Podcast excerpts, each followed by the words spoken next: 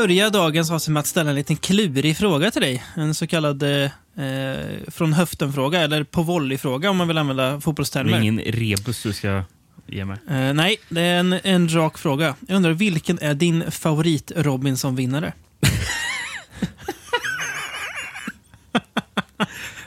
Ja, en svår fråga. Då. Jag, Är det jag, kanske- jag, jag tror inte jag kan nämna en enda Robinson-vinnare ens. Eh, jag såg väl kanske, kan det ha varit typ två första åren det gick på tv? Nej, Mm. det, när var det? Slutet på 90-talet? Ja. 97 kom 97, första. ja. Eh, då vinner ju han Martin Melin, som är mer känd för att vara ja, just det. eh, Mm. pol- polis och politiker idag. Eh, nej, det, det är många namn här som man tänker har, eh, inte har, eh, är på folks medvetenhet. Till exempel Hans Brett Schneider. eh, eller eh, hade något mer? Claes Beijer. Låter som, som, som typ bäckskurk nästan. Ja, Claes Beijer. Eh, men eh, ja, nej. nej, en svår fråga. Det är, vilka, Men det är vilka så omöjlig fråga. Ingen. säga. verkligen. Svårare än alla quizfrågor du har utsatt mig för i våra eh, quizplotation-avsnitt. Ja. nej men eh, Robinson. Eh, jag brukar ju gå lite mer kring eh, temat när jag gör de här tafatta inledningarna. Ehm, ett jävla under egentligen att vi har så pass många lyssnare som vi har att inte fler folk bara stänger av när jag börjar svamla i början. Men det tackar vi för. Eh, jag nämnde ju Robinson eh, och då tänker folk så här, jaha, vad vad ska det handla om? Ska det handla om så här skräck på öar den här gången kanske? Tänker folk då.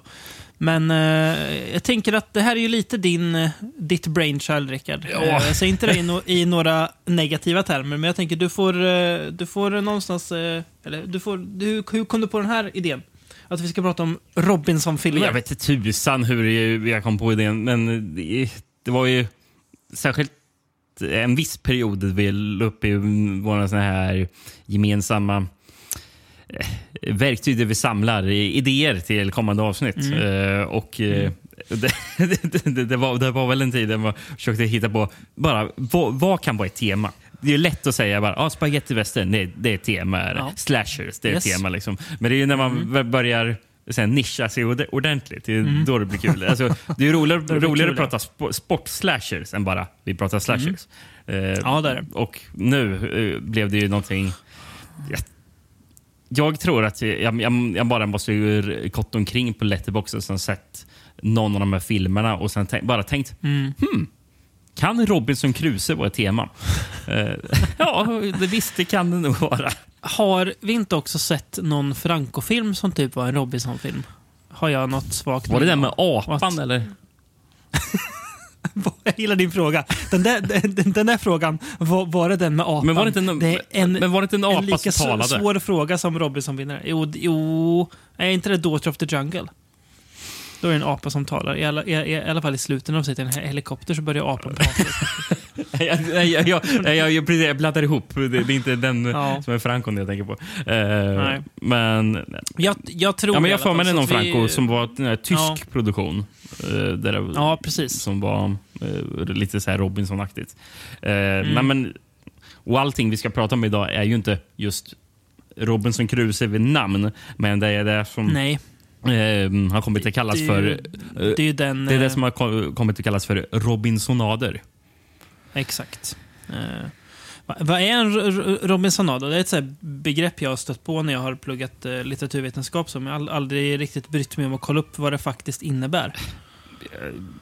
som jag fattade det så räcker det typ med att det, är en person som blir strandsatt eh, på, Okej. själv på någon, Ja. på någon, på en Så-. Det, det, det tror jag liksom. Castaway är också en Robinson. Ja, precis. Jag har sett, Ja. eh, ofta brukar den listas även den här The Marchen också som det. Ja, just det. Mm, mm. Ja. Man skulle väl kunna kalla, Ja. vad heter den där med eh, eh, Danny Radcliffe? Eh, Swiss Army Man, ja, Swiss eller? Army Man är väl lite också Mm. Robinsonad. Det var inte den du tänkte på kanske? Jo. Eller var Ja, det den du jo, tänkte precis. på? Jo, det var. Eh, Mm. Nej, men det, jag, jag tror inte det finns så mycket um, mer än så till det. Vi ska väl vara ärliga för protokollet också. Ingen av oss har ju eh, tagit oss an eh, Daniel Defoes roman från 1700-talet. Utan vi har 1719? Istället, eh, nej, jag, jag har läst den en gång för väldigt, väldigt länge sedan. Men in, in, inte, in, inte inför avsnittet. Jag inte gjort. Är den eh, svårläst, boken? Nej, det minns jag inte. Nej. Det är, det är i, sko det... i skolan jag läste den. Ja, just det. Mm. det, det jag minns inte. Nej, nej det, det är du ursäktad för. Um, ska vi börja? Men det är väl en så kallad för... upplysningsroman? Det var ju under ja, den exakt. tiden. Um, yes, precis. Sen så kan inte jag riktigt förklara vad det innebär. Då får man lyssna på någon så här litteraturhistoria-podd istället. Jag, jag skulle kunna förklara det, men då, känns, då, då kommer vi för urspår. Så att vi, vi kan väl styra oss, styra oss rätt igen. Ja. Ehm, 1954 ska vi börja idag. Det är, vi nämner ju alltid det, men eh, det är ändå värt att säga att, återigen då, så här gamla filmer brukar vi inte prata om. Eh, det blir ju någonstans när vi kommer in på 50-talet som är då eh, så vi är inte där så ofta. Nej, nej. Ibland, men inte jätteofta. Eh, och det, det som sticker ut med den här filmen, som då ja, kort och gott heter Robinson Crusoe, är ju dess regissör kanske framför allt. För vem är det som står för regin, Rickard? Det är ju faktiskt ingen mindre än Louis Buñuel. Precis, den gamle surrealisten som var aktiv, ja, det är väl till och med 20-tal va, han gjorde film. Den är alltså, andalusiska hunden är väl från 20-talet eller? Är det typ 27 eller? Något sånt där. Och sen, vad heter den? Gyllene eh, Lars d'Or. Det är väl också typ tidigt 30-tal mm. kanske. Så han har ju gjort, mm. gjort film länge. Eh, det är ändå ja, 30 år efter det här. Då. Ja, precis. Och sen så är jag inne på 70-talet sen med typ, borgarklassens diskreta charm och sånt. Så han höll ju ja, på... Just han höll på så länge. Ja. Mm. Mm. Eh, men ja, det, och jag tror att det här kan vara... För, för jag fattar det som att det här är en amerikansk-mexikansk samproduktion. Mm. och jag kan fatta fel, men det, men det är någonting med Amerika det där att det är typ eh, första och enda gången, eller en av få gånger. Eh, vet inte om det är en amerikansk produktion eller att han... Ja, det, det, det är någonting där som jag, som jag tyckte mm. jag har hört, men jag har inte skrivit ner det inser jag. Men, så jag vet inte. Men, men, men, men, det kan vara hans första amerikanska produktion. Eh, det låter kanske. ändå rimligt någonstans. uh, har den några alternativa titlar den här filmen? Ja, det är, jag har hittat Argentina och väldigt många andra länder har den, mm. den enda alternativa titeln jag hittade har uh, Robinson Crusoes äventyr. Okay. Ja. Har du eh, hittat någon uh, gammal god uh, kassett på den här? Eller något? Nej, alltså det, det är väldigt svårt uh, när vi mm. pratar filmer som är ofta egentligen innan 70-talet. Alltså. Mm. Ofta mm. hittar man inte VHS på dem. Eh, eh, om det inte Nej. är någon sån här, alltså någon klassiker som ska släppas. Eh, Precis, släppas exakt. Om. Eller, eller någon liksom kultrulle. Typ.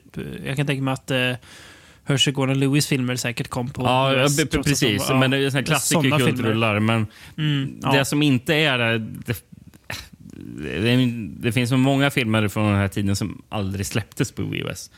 Nej, ehm, exakt. Och kanske den här gjordes, men jag hittar ingenting. Mm. Uh, Nej. Men, men, alltså, men jag alltså- har en annan grej jag skulle vilja ja, visa mm. upp lite från, eller pr prata lite mm. om. För Det här har jag aldrig sett tidigare något exemplar av. Men, och det, och det, här är alltså någonting som jag förstår gavs ut till biografer. Uh, -hmm. det, står, det står Exhibitors Campaign Book. Mm. För det, jag gissar biografer eller de som skulle mark typ marknadsföra filmen. Så ja, det är liksom, ja. De har en handbok för hur den här filmen skulle marknadsföras. Mm -hmm. Spännande. Annars har man ju, man har ju hört, hört, hört talas om liksom så här, alltså presskits och så här, alltså att, eh, att förr så var det liksom foton från, från filmen som kunde ligga i biografen som man, och man kunde bläddra i något lite så här informationshäfte.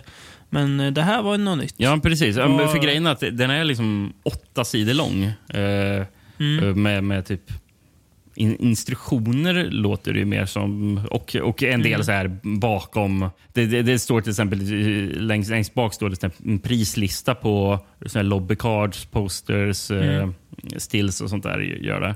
Men sen så finns det även lite så här grejer som Ja, men det, det, den visar lite bilder på hur postern ska se ut. Men sen har den en liten synopsis, det står vilka som är med i filmen. Sen så, så står det så här till exempel Crusoe, story based on fact. Så det, det har en massa med så här trivia. Det, alltså, den är uppspaltad som en ny, ny, nyhetstidning med, med lite mm. spalter där det står bara um, mm. Defoe's novel Flop at first becomes classic. Har vi ett stycke om det. Uh, mm. och sen står det um, Crusoe location dangerous spot. Jag tror det har att göra med inspelningen där. Mm. Sen står det om uh, skådespelaren Irishman won Crusoe from 300 contestants. Så det har lite fakta om det här också. uh, och Sen så står det att den filmades i mexikansk djungel. Uh, men sen så var det här. Uh, det fanns en sån här national tie-up on the book.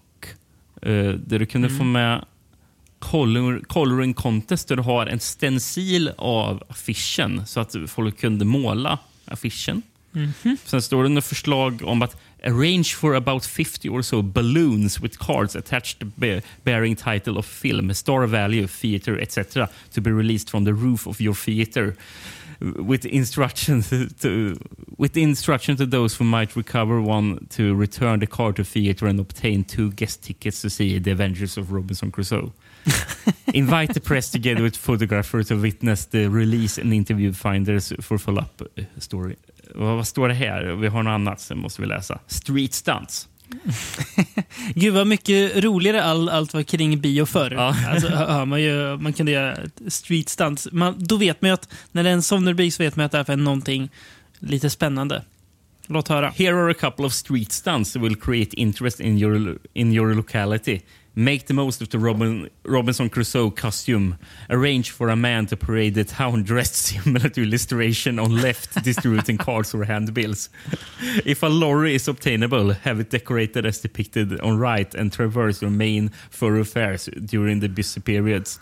Dress the characters up in the approximate costumes and have streamers along both sides and back. vad har vi mer för någonting? Catchlines har lite förslag också på vad man ska ha. Mm. Never mm. has one man faced such terrifying perils, lived such an amazing story. Mm. See the ominous footprints in the sand. See the ferocious battle of cannibals versus castaways. See the plunder mad onslaught of treasure crazed pirates. See the flaming pyre of human sacrifices. Ja, mm. jag menar lite förklarat. Ja, men, och, kul. Så, och, lite festligt. Och, och, men någonting. ja, här jag måste ha den här också. Lobby and front. Mm. Och det här är otroligt märkligt, för många av de här delarna har ju en rubrik som står så här, till exempel National tie-up on the book, Balloon Barrage. Liksom. Mm. Här, mm, mm. här är kategori, eller kategorin som hela den här sidan har varit under, heter mm. exploitation. ja. ja. Det är otroligt. Då, där kan vi någonstans då och också då slå fast att om någon har varit tveksam till men det här är väl ingen typisk från Beyond-rulle, så hör ni här. Det är ju Exploitation, ja, även om det kanske inte är det, det de står ju men, att eh, Ja, exakt. Det står ju svart ja, på vitt. Nej, men det var den där sista jag ville ja, läsa. Lob Lobby mm. and Front of Theater, the world's greatest adventure story. Make an exciting, colorful display in your vestibule well in advance of play date using the attractive code pictorial posters and sets of stills available. Have the catch lines set out below, reproduce on banners and streamers and exhibit in prom prominent positions. Suspend across lobby and lounge, cafe, etc.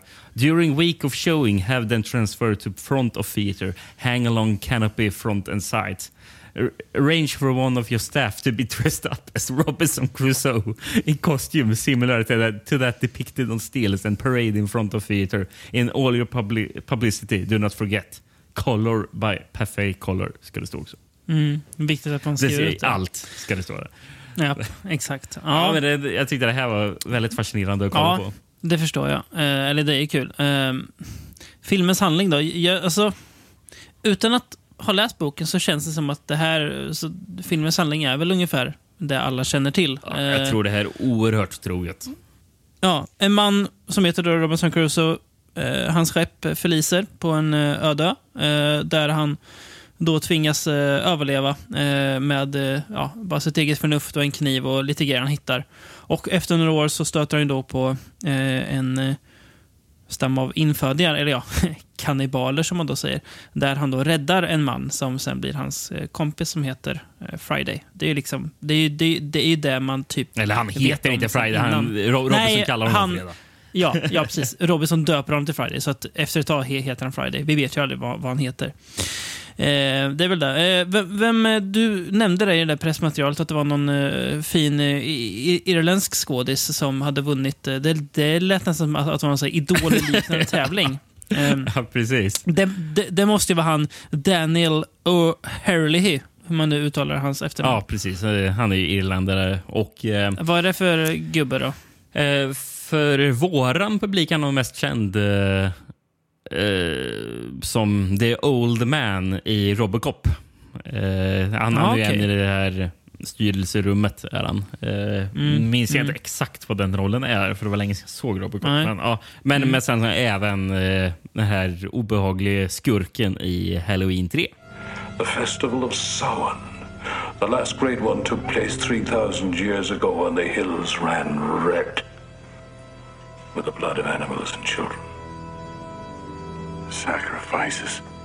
A part of our world. Our craft. Witchcraft. To us, it was a way of controlling our environment. It's not so different now. It's time again. In the end, we don't decide these things, you know. The planets do. Jaha, det är han. Alltså han som har, eh, ja, som har eh, Silver Shamrock Ja. alltså? Okej, han. kul. Ja det, är, ja, det är ändå någon slags eh, legacy att prata om. Eh, och för, det, för det mesta är det ju också bara, det är ju i princip bara två skådespelare. Det är ju han och då eh, Jaime, antar jag man uttalar eh, Fernandes, Ja. som då spelar eh, Friday som kommer sen. Precis. Eh, Eh, han, han, han har ju rätt så stor eh, mexikansk eh, skådis. Mhm. han, han var ju med i A Bullet for the General faktiskt, har vi sett honom i tidigare. Ja, just det. Eh, Mm. men Så han- har vi pratat om för många, många poddar sedan, du och jag också. Mm. Men han, han har vunnit eh, tre stycken Silver Ariel eh, Awards. Eh, som Mm. är typ mexikanska varianten på en Oscar.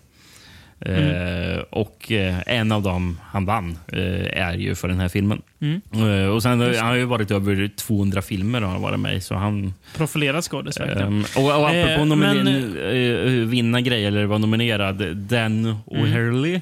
eh, Han, Mm. han nominerades ju till en Oscar för bästa skådis för den här filmen också. Eh, En Oscar alltså? Det, han Oj, vann inte. ja. Men, Är det enda gången Bunell haft något att göra med Oscars?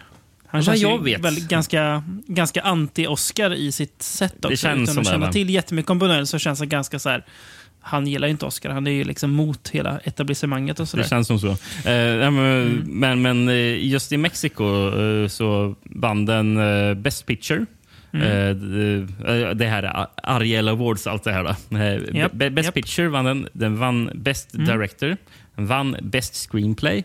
Va- vann Best Supporting Actor. Eh, vann Mm. Ja. Best Editing. Och eh, vann Best Production Design. Och Den enda som den var nominerad till som inte vann, det var Best eh, Cinematography. Mm. Snacka om storslam på Ariel Awards då. Otroligt, ja. Robinson Crusoe. Nej, så det var lite Ja. synd för han, eh, fotografen Alex Phillips Mm. som fotade vi- Jag fastnade för hans riktiga namn, vad han hette Mm-hmm. som barn. Eh, Ett efternamn jag aldrig hört tidigare, men det är bra. Al Mm. Alexander Pelleplock.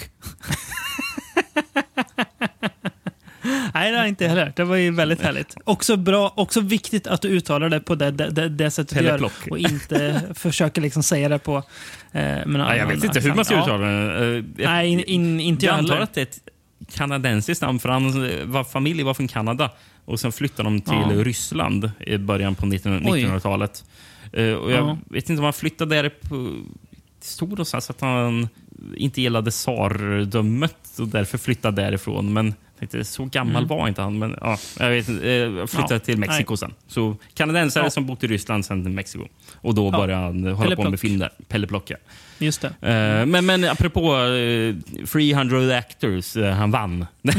Så, Den, den Hurley. Precis. Ehm, ge- Grejen var att producenterna ville ju ha en annan man att spela Robinson Crusoe. Vem var Okej. ett väldigt populärt stort namn i början på 50-talet. Oh. Orson Welles. Orson, oh. Det hade kunnat bli något där. Louis Buñuel och Orson Ja, Welles. men B- Buñuel, han vägrade. Ja, det, kan jag, det, var nog, det var nog klokt av Buñuel, för det, det hade ju inte... Det är fel, fel, fel personer, eh, tror jag. Ja, absolut. All, all cred åt Orson Welles och eh, grejer han har gjort, men eh, redan här var han väl säkert rätt eh, svår att ha att göra med, tror jag. Ja, men, men vet du an, vill du veta anledningen till att Buñuel inte ville ha honom? Mm. För att han, han, han, han tyckte Orson Welles var för högljudd och för fet. Ja, ärlig i alla fall. Eh, Det man... Men, men studion försökte ju ändå övertyga eh, Buñuel om att ja, men Orson Welles är rätt person. Så de gjorde, anordnade en screening eh, av, eh, av eh, filmen Macbeth där Orson Welles eh, huvudroll. Eh, Mm. Mm, men eh, Buñuel bara nej. Men jag vill ha den andra personen som var med i, i filmen som spelade Macduff, Danny Hurley. Mhm. Så det var på, var på grund av den screeningen ändå som... Ja, just det. Det var så han fick rollen då, Mm. de facto. Och jag, och, och jag tycker han gör det mm, bra i Ja, filmen. Ab- absolut. Det tycker jag. Eh, alltså det, det, är så, det, det är bra att du har fyllt på med jättemycket bakgrundsinfo eh, info och sånt där om den här filmen. För att det är liksom det är en, en, så här, en gedigen, bra film som... eh, Så här, jag kan inte utveckla så jättemycket så här, spännande eller fräsiga tankar kring den. Eh, det, det, det man kan ta upp är väl... Nu, nu, som sagt, jag är verkligen ingen Buñuel-expert. Jag tror, jag tror att jag har sett två filmer. Mm. Eh, och det är ju då, eller ja, film och film, det är ju, men eh, Andalusiska hunden och eh, eh, måste heta Guldåldern då på svenska antar jag. Mm. Eh, Du hade och, inte sett den här... eh, Eller La- Land of Bread, det är guldåldern? Eller? nej, det är ju L'Arche d'Or, är ju Guldåldern tror jag. okej. Eh, jag är osäker, jag kanske har sett dem mer. Mm. Men min, min bild av Buñuel är ju liksom eh, surrealism och liksom mer bildkonst än eh, narrativt berättande. Och det här är ju en väldigt straight film. Mm. Eh, jag försökte liksom så tänka hur Buñuel är filmen då, om man nu ska någonstans sätta in den i ett fack. Och utifrån det lilla jag eh, kan, eller har sett, så ska jag säga att den är inte särskilt Buñuel alls. Och inte ens när Robinson i en eh, del i filmen feberdrömmer känns den särskilt... Alltså, Ah, det är väl ja. då kanske är att toucha lite där, men, men det, är, det är som sagt det är en ganska, det är ingen eh, djuplodad analys jag gör nu grundad i massa filmteori, utan det är bara det är min, min känsla. Ja, ja, precis. Ja, nej, men den inte, alltså Buñuel. förutom just den här feberdrömmen som... Ja, det var enda gången jag kände faktiskt. Bara, ja, men det kanske man kan ana, ana lite Mm. av, av Buñuel. här. Mm. Men Mm. i övrigt så det är en väldigt eh, standard film. Liksom. Det- Ja. Jag, jag hade ju lika gärna kunnat trott att det var någon sån här 10-50-tals Hollywoodfilm. Mm. Eh, Det men den, den, den, den känns så. Den känns ja, men verkligen så. Bra beskrivet. Den är liksom välgjord, välspelad, jättefin att titta på. Det är konstigt att den inte vann bästa foto och nu vann allt annat på den här. För den är ju så här, jättefint foto, jättetrevliga färger och sådär. Men und, undrar vad han tävlar mot eh, det året. Ja, det är sant. Det känns, nu, nu kommer du rota bland något obskyrt där om du ska kolla vilken som tävlar i en mexikansk festival på Nej, men det var ju... eh, 50-talet. Eller ja, just det. Ja, fan. Det tänkte jag inte att det var... precis. Ja, Exakt. fast, nu, nu är jag redan inne på IMDB så jag ska ändå kolla. Ja, gör det. Gör det. Nej, jag, jag fick för mig, jag fick för mig att det var ett Oscar han eh, förlorade på. Där. Mm, ja, det, det var ju lättare, att, Eh, lättare att hitta. tusan ser vi Ariel Awards här på den här filmen. Han var också nominerad för en Bafta. Eh, Och jag gillar, jag gillar beteckningen på den eh, kategorin. Bäst, Mm. film från Annie Source. Ja. Baserat på vad, vad som helst, förutom... Ja, det får inte vara ett originalmanus. Det kan vara baserat på vad som helst. Ja, ja, ja, ja, ja, ja, Måste ja, det- ja det precis. Men, men- det, jag tänkte bara att, att, att, att Source var ursprung land. Bara. Ja, men det, det, det kvittar vilket land det kommer ifrån. Ja, det, det, det, det, det, Det var det jag tänkte. roligare tolkning. Ja. Eh, ska vi se, 1955... Oscar. Nej, nej, var det för fan vi skulle kolla. Nu är vi inne på smalt territorium här alltså. Jaha, det, det är intressant förresten att det verkar som att det är olika. För Silver Ariel var ju som eh, flera av de här priserna var. Men, vet- men vet du vad Mm. bä- bästa film är? Det är en Nej. Golden Ariel. såklart. det. Det är lite bättre. Klart Eh, det, det är Ja. kul förresten att Best Picture verkar vara bara tre filmer. Och Mm. Louis Buñuel tävlade mot sig själv med en annan film. Ja. Ja, eh, det var Buñuels an, andra film som vann det året. Ja, okej. En- en- Inte en- fotad av samma en, person då, kanske? Ensayo de un crimen. Eh, nej, det var en annan fotograf. Mm. De var inte Pelle Plock på den. Och den tredje filmen på vad det var, Floden och döden, eller El Rio y la Muerte. Också av Buñuel. Hade han tre filmer för samma pris? Han, hans, det var bara hans filmer som var ju- nominerade till priset. Det är faktiskt lite större. Där har vi det. El Rio, The River and Death. Eh, Men, men det var, Ja. en, det var Ensayo de un crimen som vann. Ja, precis. Men, att, ja. men eh, då var han eh, populär i Mexiko då, tydligen, Buñuel. Eh, Ja, och fy väldigt, fan. eh, Tre filmer för om- samma omtyckt. Det är, är sjukt. Känns, ju näst, känns nästan Fel. riggat. Ja, be, be, hade de Eh. inte kunnat slängt in någon annan film? Bara för att, ja. Alltså, Typ, typ kvoterat Ja, det in. hade film, känts bara för bättre. att det ska... Alltså det, det är ju sånt här man ska använda internet till. Att leta reda på vilka tävlade i Ariel Awards 1955. Det är precis det internet, internet gjordes för. Att söka rätt för sånt. Eh, Jag såg att eh, filmen hade biopremiär i Sverige och, och 54. Mm. Men klipptes ner med tre minuter och f- blev Mhm. då barntillåten. Och det, här, det, det här är så här, jag undrar, vad är det som klipptes bort för att, att den blev barntillåten? Är det något med kannibalerna kanske? Eller? Att det kanske var lite så här att det...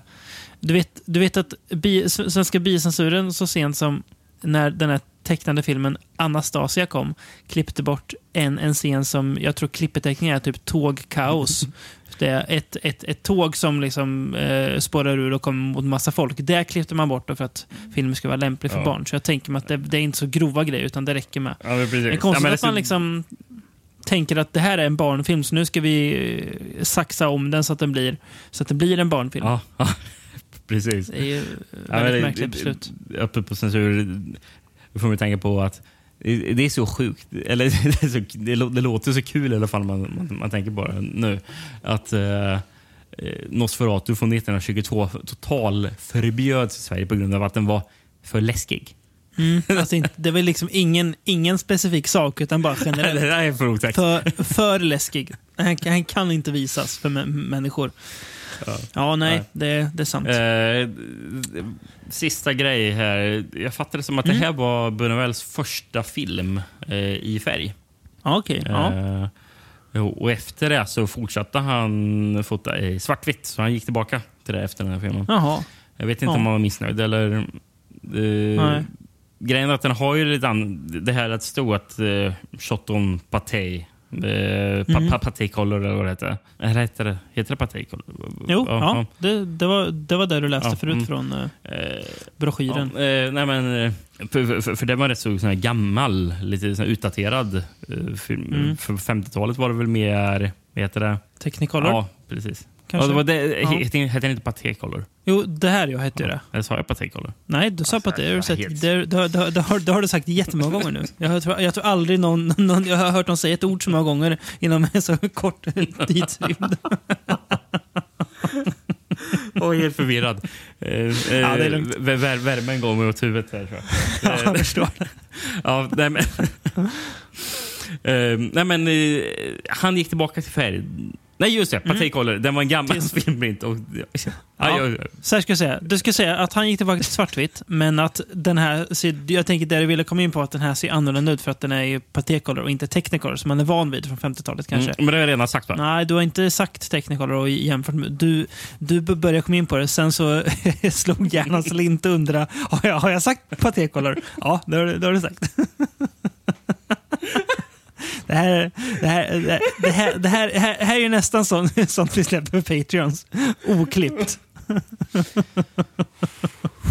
Eh, Men sen så, så han fortsatte med svartvitt fram till när han gjorde Belle de Jour, Dagfjärilen, Just det. eh, 1967. Och Efter det Mm. så fortsatte han bara köra färg. Från, från, och med den. tills han- la... Ja, okej. Mm. Undrar vad det grundar sig då. Om man, han kanske inte... Färg kanske inte var hans grej då ett tag. Men sen kanske han inte hade, hade något val till slut. Det var väl tänker, svårt att sä- sälja in... eh, Men, men, men det kan ju vara ett... han bara blir missnöjd med resultatet av färgen. Ja, Jag det är vet sant. inte. Det är sant. Det vann ju som sagt inte bästa foto, men det, är ju, men det vann ju en av hans svartvita. Så det kanske var liksom bara, ja, färg. Han kanske gick, gick på det. Det var Ariel Award som utstakade hans karriär, ja, precis. Kan vi säga. Ska vi gå till en annan färg, film i färg? Ja, ska jag göra. Inte Paté Color tror jag inte dock. Nej, det tror inte jag. Det här är nog Technicolor. Eh, och åka från, ända från Mexiko till Mars ska vi göra faktiskt. Och det, nu tänker folk, va, va, vänta nu. Ska ni inte prata om Robinson Crusoe? Jo, det ska jag. För nu ska vi prata om Robinson Crusoe on Mars. Som filmen helt enkelt heter. You will experience all the heart-pounding suspense of this first two-man space probe, traveling more than 71 million astromiles toward Mars. Here are all the unexpected terrors of outer space. The scorching surface of the fire swamp that is Mars. A world no man has ever seen. And now one man must explore alone. How long can a man stay alive? No air to breathe. But suddenly an unexpected source of oxygen. The life-giving miracle of the yellow stones that burn like coal. Here is a modern Robinson Crusoe struggling for survival in a cruel environment.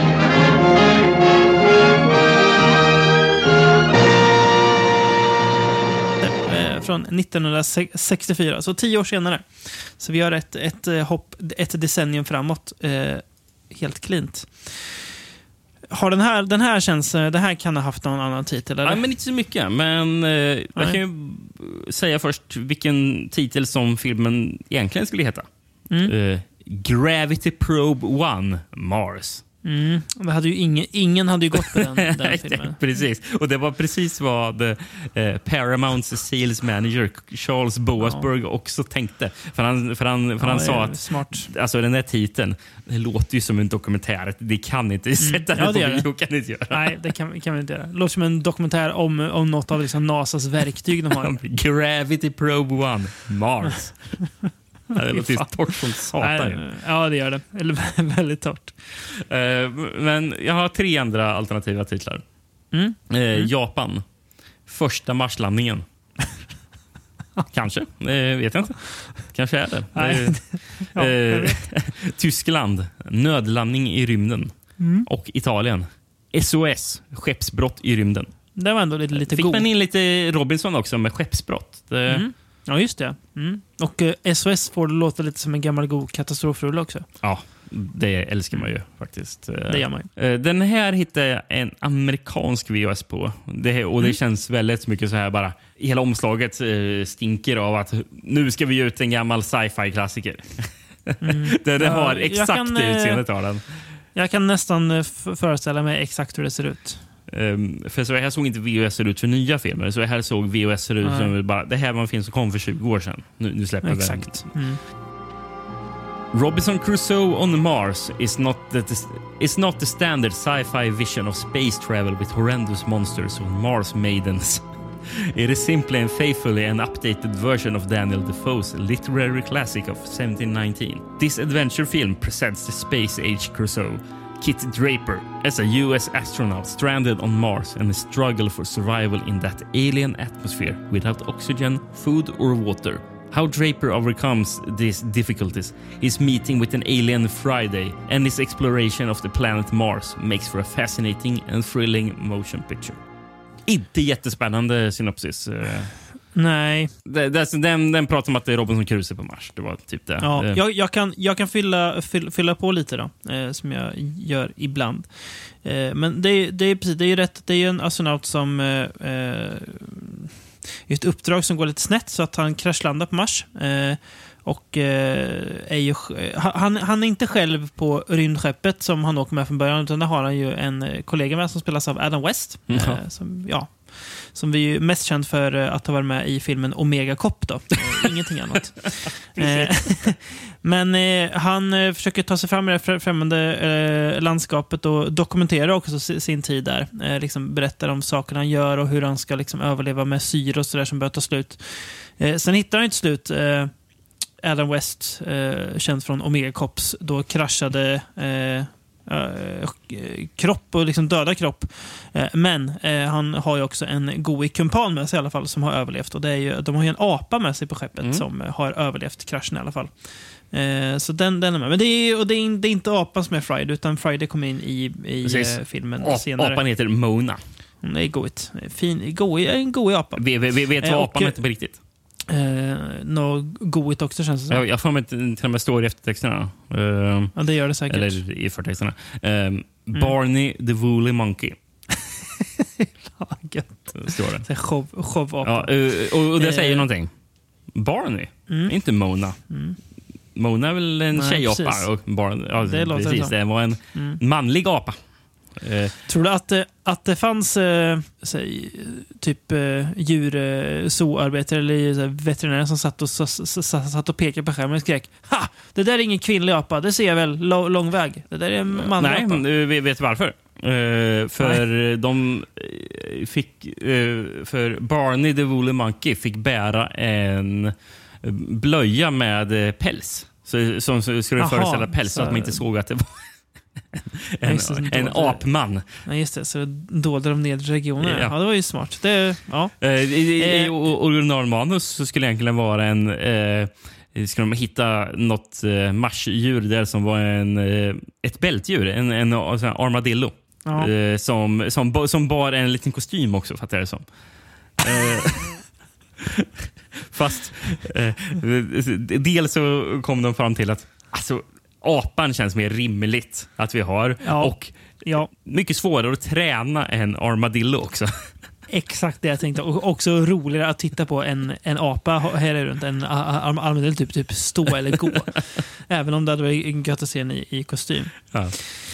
Eh, Ja, nej men eh, huvudroll här eh, spelas, ska vi se om jag ser vad jag skrivit här, Paul Manty. Mm. Eh, som vi me- mest känd då såklart för sin eh, oförglömliga insats i eh, skräckklassikern The Manitou. Exakt vad jag hoppades på att du skulle säga. Eh, Det- Japp, såklart. Du vet att varje chans ma- man får att, att nämna The Manitou så gör man det. det är, Ja. alla, allt annat är Ja, grovt men det, det är helt tjänstefel. rätt. Han är även med i Day of the Animals och Dragon, the Bruce Lee story. Ja, just det. den, känns inte den, den lite... Eller fast den, den kommer sig på typ 90-talet så det kanske inte är så, så, här, så himla ex, ex, exploativt att göra utan mer kanske hedersamt. Det hade varit exploativt om man gjort det typ året efter han dog. Ja, Som eh, alla, alla clones av Bruce Lee-filmer. För regin i den här filmen står ju då Byron Haskin som ju är ett namn man, man blir glad av. Man blir glad när människor heter Byron i för, förnamn. Eh, har han gjort något eh, minnesvärt då? Som, man får väl säga att det finns en annan sci-fi-film eh, som kom eh, 11 år tidigare. Som är kanske lite mer, aningen mer klassisk också än den här. mm, mm, Och Det är ju War of the Worlds som han regisserade. just det. Eh, men han jobbade ju även i, i, innan, eh, så tidigt i sin karriär, så jobbade han mycket med specialeffekter. Eh, så, för han jobbade för Warner Bros och gjorde mycket spe- specialeffekter där. Och ibland, han blev till och med sån här Head of Studio Special Effects. Eh, Oj. Där blev han. Mm. Eh, och han, han, fick med, han fick fyra Oscarsnomineringar för sitt effektarbete. Eh, på Det är inte dåligt. slutet av 30-talet, början på 40-talet. Eh, och, han, och han är även lite så inblandad i specialeffektarbetet här eh, på den här filmen. Ja, det känns ju logiskt om man har jobbat med att han också kanske lägger sig i lite hur det ska göras. Ja, eh, men hur tycker du Paul Manty fungerar som eh, Commander Christopher Kit Draper? Jo, han är väl helt OK, tycker jag. Eh, vet inte om jag tänk, tänk, tänkte så mycket på det när, jag, när jag såg filmen. Eh, han gör väl det han ska. Jag, jag hajade ju till när jag såg Anna West och tänkte, ska inte han vara huvudroll? För han måste ju varit eh, bet- betydligt st- större skådis. Ja, men eh, när kom alla fall eh, den här grejen som han är mindre känd för? Ja, eh, det måste varit 60-tal eller? Ja, om jag, om jag funderar när på 60-talet. Ja, just Eh, det. Ja. Jag ska Han kanske inte hade hunnit bli... Nej, den kom ju två år senare. Eh, men sen vet jag inte jag vad Adam West annars gjorde under den tiden. Han Nej. kanske, hade, han kanske var jättekänd. Jag, jag kan inte svara på det. Jag har ingen koll på honom för, förutom Omega Cop. Då. Det har man... Exakt. Vad tycker du om Paul Manty? då? Alltså, han, han är så jävla så här... Alltså, han, han, han, han känns ju som en slags ur, urtyp av... Det här är en egentligen 50-tals eh, amerikansk mm. sån här hjäl mm. manlig hjälte ska vara på ja, i en, en, film. Ja. Eh, så 64 känns liksom för sent egentligen för så som han spelar rollen. Nästan lite eh, förlegat typ. Att den, den här typen av eh, manliga protagonister fanns inte längre på 60-talet. Ja. Utan då hade man gått över till något annat. Grejen är att det, är det är mycket filmer som känns lite 50-tal, mm. tycker jag mer. Eh, mm. Att den känns nästan lite mer som en pastisch på 50-tals sci-fi. Ja. Eh, det. Och, och, och jag fattade som, när jag fick så dåliga tittarsiffror. Eh, mm. och, och, Jag tror det beror lite på att publiken hade börjat röra sig bort från det här. Det var man ville ha annat istället? Ja, precis. Man ville väl höra om riktiga astronauter, typ. Det låter rimligt. Jag tänker att filmen måste ändå ha viss... Eh, alltså, i alla fall efterfått viss upprättelse. För det är ju, det är ju för tusan Criterion som har släppt den här filmen. Oj! Ja. Ja, eh, så, och det är så här, ja, Criterion har även släppt Armageddon, jag vet. Eh, jag, ja. jag säger inte att Criterion är lika med eh, en kvalit kvalitetsstämpel, men det är i alla fall någonting att de har just val, alltså valt att släppa den här filmen. Mm, ja. Eh, verkligen. men jag, jag tycker egentligen Alltså, Paul Manty fungerar, gör han, men jag, mm. jag mm. gillar nog mer Victor Landin eh, som spelar Fredag, eller mm. Friday. då. Um, mm. Han, han, han som tycker jag är, är eh, Han är ju en utomjording kan man ju säga. Ja, ja alltså, precis. Han stöter på honom. Eh, det är, det, är någon slags rymdstrid eh, som pågår eh, när det kommer främmande skepp. När han då stöter på den här mannen som då börjar kommunicera med sen. Ja, precis. Men, men, men han är ju inte sminkad som utomjording, utan det ut, utomjordiska med han är att han, han ser ut som en native american. Ja, det, typ det. Men så, så, jag funderar liksom var tankegången var för att eh, mm. studion skulle välja. Var det att vi vill ha en utomjording som ser ut som en native american eller väljer vi, eller fick Victor Landin rollen? Och Grejen är att han mm. var väldigt känd för i westerns att spela native american. Mm -hmm. Fast han inte var det ja. egentligen? Ja, precis. det här. Ja. Han, men han har ett... Jag vet inte fan vad hans etniska bakgrund är egentligen. Men han har ett... Ja, lite, han ser inte vit ut riktigt. Så, här. så nej, äh, nej. Men äh, jag gissar på att äh, det är en vit man som spelar mm. native. Ja. Men, som det men, så ofta var då. Som det ofta var, precis. Ja. Men jag tycker han är bra i rollen. Mm. Jag, ty jag, tycker filmen får får lite mer alltså, eh, lite in, in, injektion när han kommer in. Jag, jag, jag, tycker inte att den är tråkig innan heller, men det, det, är nog bra att Friday kommer där han gör så, så att, att filmen får att någonting nytt händer som kan ta det vidare och att, att, att det inte bara fortsätter med bara Paul Manty. Jag, jag ska säga att det är en gemensam sak för alla Robinson-filmerna att eh, filmerna ja. behöver inte, inte, integrationen mellan de två. Ja. Eh, för yes. Man kan inte ha för mycket bara Robinson. Du måste ha Nej. den andra också. Yes, det blir, eh, För att det ska bli intressant. Vi kommer återkomma till det, kan jag lova dig. det kommer vi göra. Men eh, en kul grej med Victor Landin. Eh, han är mm. den första personen som spelade en klingon i Star Trek. Mm. Första gången en klingon ses i tv-serien så är det Victor Landin vi ser. OG Klingon? OG alltså. Klingon, ja, precis. Och han ja. försökte faktiskt även in, innan eh, serien att börja gå. När de castade mm. så försökte mm. han få rollen först i Spock innan det gick till Lena Nimoy. Och på tal om uh, Victor Landin, som man också kan säga Victor Lundin. Låter ju lite nordiskt, eller hur? Det namnet. Ja, precis. Jag hittade, ing hittade ingenting om att uh, han skulle Nej. ha något... Men man kan ju ha något mm. släktband. Uh. Precis. Och släktband kan vi ju säga att vi har till Danmark, va? eller hur? Eh, för det är, en, det är en dansk inblandad i, i, i den här filmen också. Va? Vem då? Ja. ja den är skriven av dansken med det otroliga namnet Ib Melchior. Ah, ja. Fan, jag hade glömt bort att han var dansk. Um, yes. Men jag fattade det som att filmen bara började skrivas i, i Melchior. Men han började, ja, hoppa, han började hoppa av i brist av tid. Ja. Och då gick det till John C. Higgins som jag inte vet ah, okay. någonting av. Melchior har i alla fall skrivit uh, den här Reptilicus, den här danska. Kaiju-filmen och Plan Planet of the Vampires. Exakt. Så han har ju, ändå, alltså han har ju skrivit liksom en del. Ja, nu har inte vi sett Reptilicus, men Planet of the Vampires gillade ju eh, båda vill jag mena. Reptilicus är planerat till ett annat avsnitt, så ja, ifall folk undrar Varför, varför har du inte pratat om den? För? Eh, den kommer.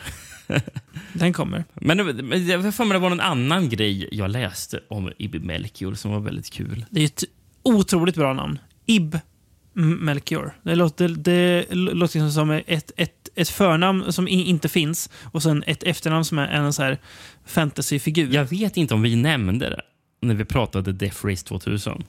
Nej. Men den är ju baserad på eh, Ibn Melchiors novell The Racer från 1956. Nej, det tror jag inte. Det är ingenting jag minns. Det var länge sedan vi glömt bort pra- det. för vi ska Nej. prata om Death Race 2000. Men I vilka, I vilka avsnitt pratar vi om Death Race 2000 Har vi inte gjort igen? det? Jo, jo, det har vi. Men jag tänker bara i vilket, vad, vad tusan hade, hade vi för tema då? Gud vad man glömmer saker. Var det då vi hade typ så här lite, när vi hade den där fruktansvärda eh, filmen Crash så av eh, Charles Band som jag aldrig fattade vad den ha- handlade om. avsnittet Brave New World. Ja, det var där det var. Just det, lite, lite post. När vi eh, pratar Soylent Green Westworld, uh, Logan's Run, Ja, just det. Future World och Silent Running. Så var det. Dystopier helt enkelt. Precis. Eh, så var det. Ehm, Ja, ehm, sidospår. Men men jag, jag tänkte på en grej med Robinson Crusoe när jag såg den. Eh, det är kul att du nämner den förut, men jag, jag tänker att ja, det är inte alls nödvändigt att- att Andy Weir, när han skrev The Martian, ens har sett eller hört talas om Robinson Crusoe och Mars. Men när man ser den här filmen och, och tänker det, alltså det är bara att ta, ta själva titeln. Så känns det som, ja, hade han vetat om det så hade det kanske varit ett litet frö till inspiration. För det är ju det som du sa, eh, det är ju det The Martian är. Det är ju Robinson Crusoe Mm. på Mars. Ja. Så bara en tanke. Han kanske var lite inspirerad av det. Och det är, eh, jag, har inget, jag har inte kollat upp om han har sagt något om det, men eh, vi kan, vi kan, vi kan ju klubba igenom att han är det. Vi har ju en... eh, From Beyond-domstolen är ju, eh, den är ju vår, eh, så att eh, vi kan ju avgöra vad, vad vi tycker är sant och inte sant ibland. Eh, när du nämnde förresten Ibn Melchior, eh, apropå, Mm. apropå namn. Eh, han som gjort eh, soundtracket, han heter Van Cleave. det är också. Låter också påhittat, Ja. men mycket, mycket bra. Men bra. Det är ju ganska, ganska trevlig musik tycker jag också i filmen. Ja. Eh, bra, bra soundtrack.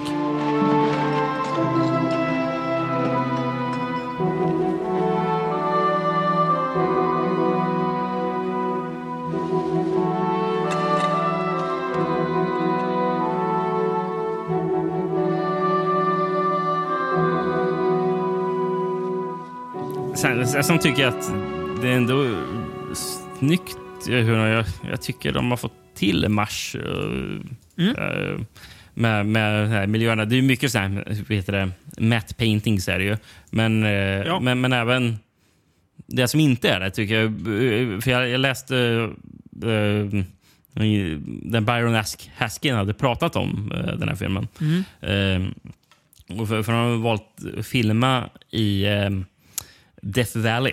Eh, och han säger att många personer kände igen Death Valley från andra filmer. För det förekommer så ofta i westerns. Att, man- att man filmar där. Men det som westerns alltid gör, de filmar ju från nere i The Valley. Eh, Så Mm, eh, De filmar ju sällan uppe från klipparna liksom, i Death Valley i en Nej. western. Utan du, du vill ju ha vidderna från där nere och sen ser man Ja. här eh, ravinerna och klippbergen. Liksom. Mm. Men, det, men då, då fick han idén. Hmm, men står man här uppe eh, på, på klipporna då ser det här nästan ut som något slags eh, rymdlikt landskap. Det ser Mm. eh, utomjordiskt ut. Och jag tycker du lyckas med det. Jag tycker, tycker det ser bra ut. Men, Ja. men, men intressant med just ändå western-kopplingen och Death Valley där. För han som har fotat filmen, eh, Win- Winton C. Hodge. Han har ju fotat eh, The Searchers bland annat. John Ford-filmen. Ja, precis. Och han Mm. ändå mm, han, han var inblandad i westerns, fotografen. Ja, exakt. Mm. Men det är, jag, ty, jag tycker, så- alltså, tycker fil- filmen är snygg också. Den, den har ju det här, här verkligen goa färgsättningen som... Alltså, det är ju så enkelt, det är ju något så enkelt att man blir mer välvilligt inställd till en film när den ser ut så Ja. här rent för- färgmässigt. Det är, Ja, det är bara, lätt det är bara så det är så him, himla fint där eh, att titta på. Det är något så Ja. eh, basalt men eh, sant ändå. En negativ grej jag ska säga. Jag tycker det är otroligt Mm. tamt slut på den. Mm. Det här. Anti, antiklimax, ja. Ja, jävlar. Där var jag riktigt besviken på slutet. Bara. Mm. Det blir, Kunde, kunde inte gjort Suck. något mer. Ja, det var jag riktigt exakt. Någonting jag inte besviken på dock, ehm, Mm. som vi kan avrunda med. fin, kom ju två stycken låtar eh, som jag hittade som heter Rob... Alltid härligt när du börjar prata om musik och låtar som kopplat till film. Man vet aldrig vart det ska ta vägen. Det är så, ja, kör. Förlåt, jag vill bara för, för flika in att jag blir glad. Det har också koppling till filmen. eh, på ett Mm. sätt. Eh, inte den första lika mycket som den andra, men, men, men båda, båda låtarna heter Robinson Crusoe on Mars. Och eh, Mm. den, den första gjordes av Johnny Symbol på 60-talet. My kid brother fell asleep in his bed last night with his new space helmet over his head. What a sight! Holding his adventure book in one hand, he was dreaming of a strange new land. He was Robinson Crusoe on Mars. Tre, alltså, trevlig, trevlig Ja, dänga, men tycker det, det är så mysigt. det. Ja, Eh, ja, gemytlig. Men den andra har än mer koppling till filmen. Eh, Den, för den har Mm. inte bara titeln, utan har en av skådespelarna som framför den också. Oj, oj, Det oj. har nämligen eh, Victor Lundin själv som, Oj. som eh, spelade in den. Och det här är så intressant. För låten är inte från 60-talet som man kunnat gissa på. Låten är Mm. Nej. från år 2000. Sista där 36 år senare. Alltså, Ja. bestämmer sig, nu, ska- nu ska jag För, göra för släppte en, han, en egen. precis, för att släppte han en skiva som heter Little Owl. Och, och där finns den med. Och jag ska säga, den här är charmig. Crusoe, Robinson Crusoe on Mars. You'll be the astronaut, and I'll be the guy from Mars. Robinson Crusoe, Robinson Crusoe on Mars. We'll be together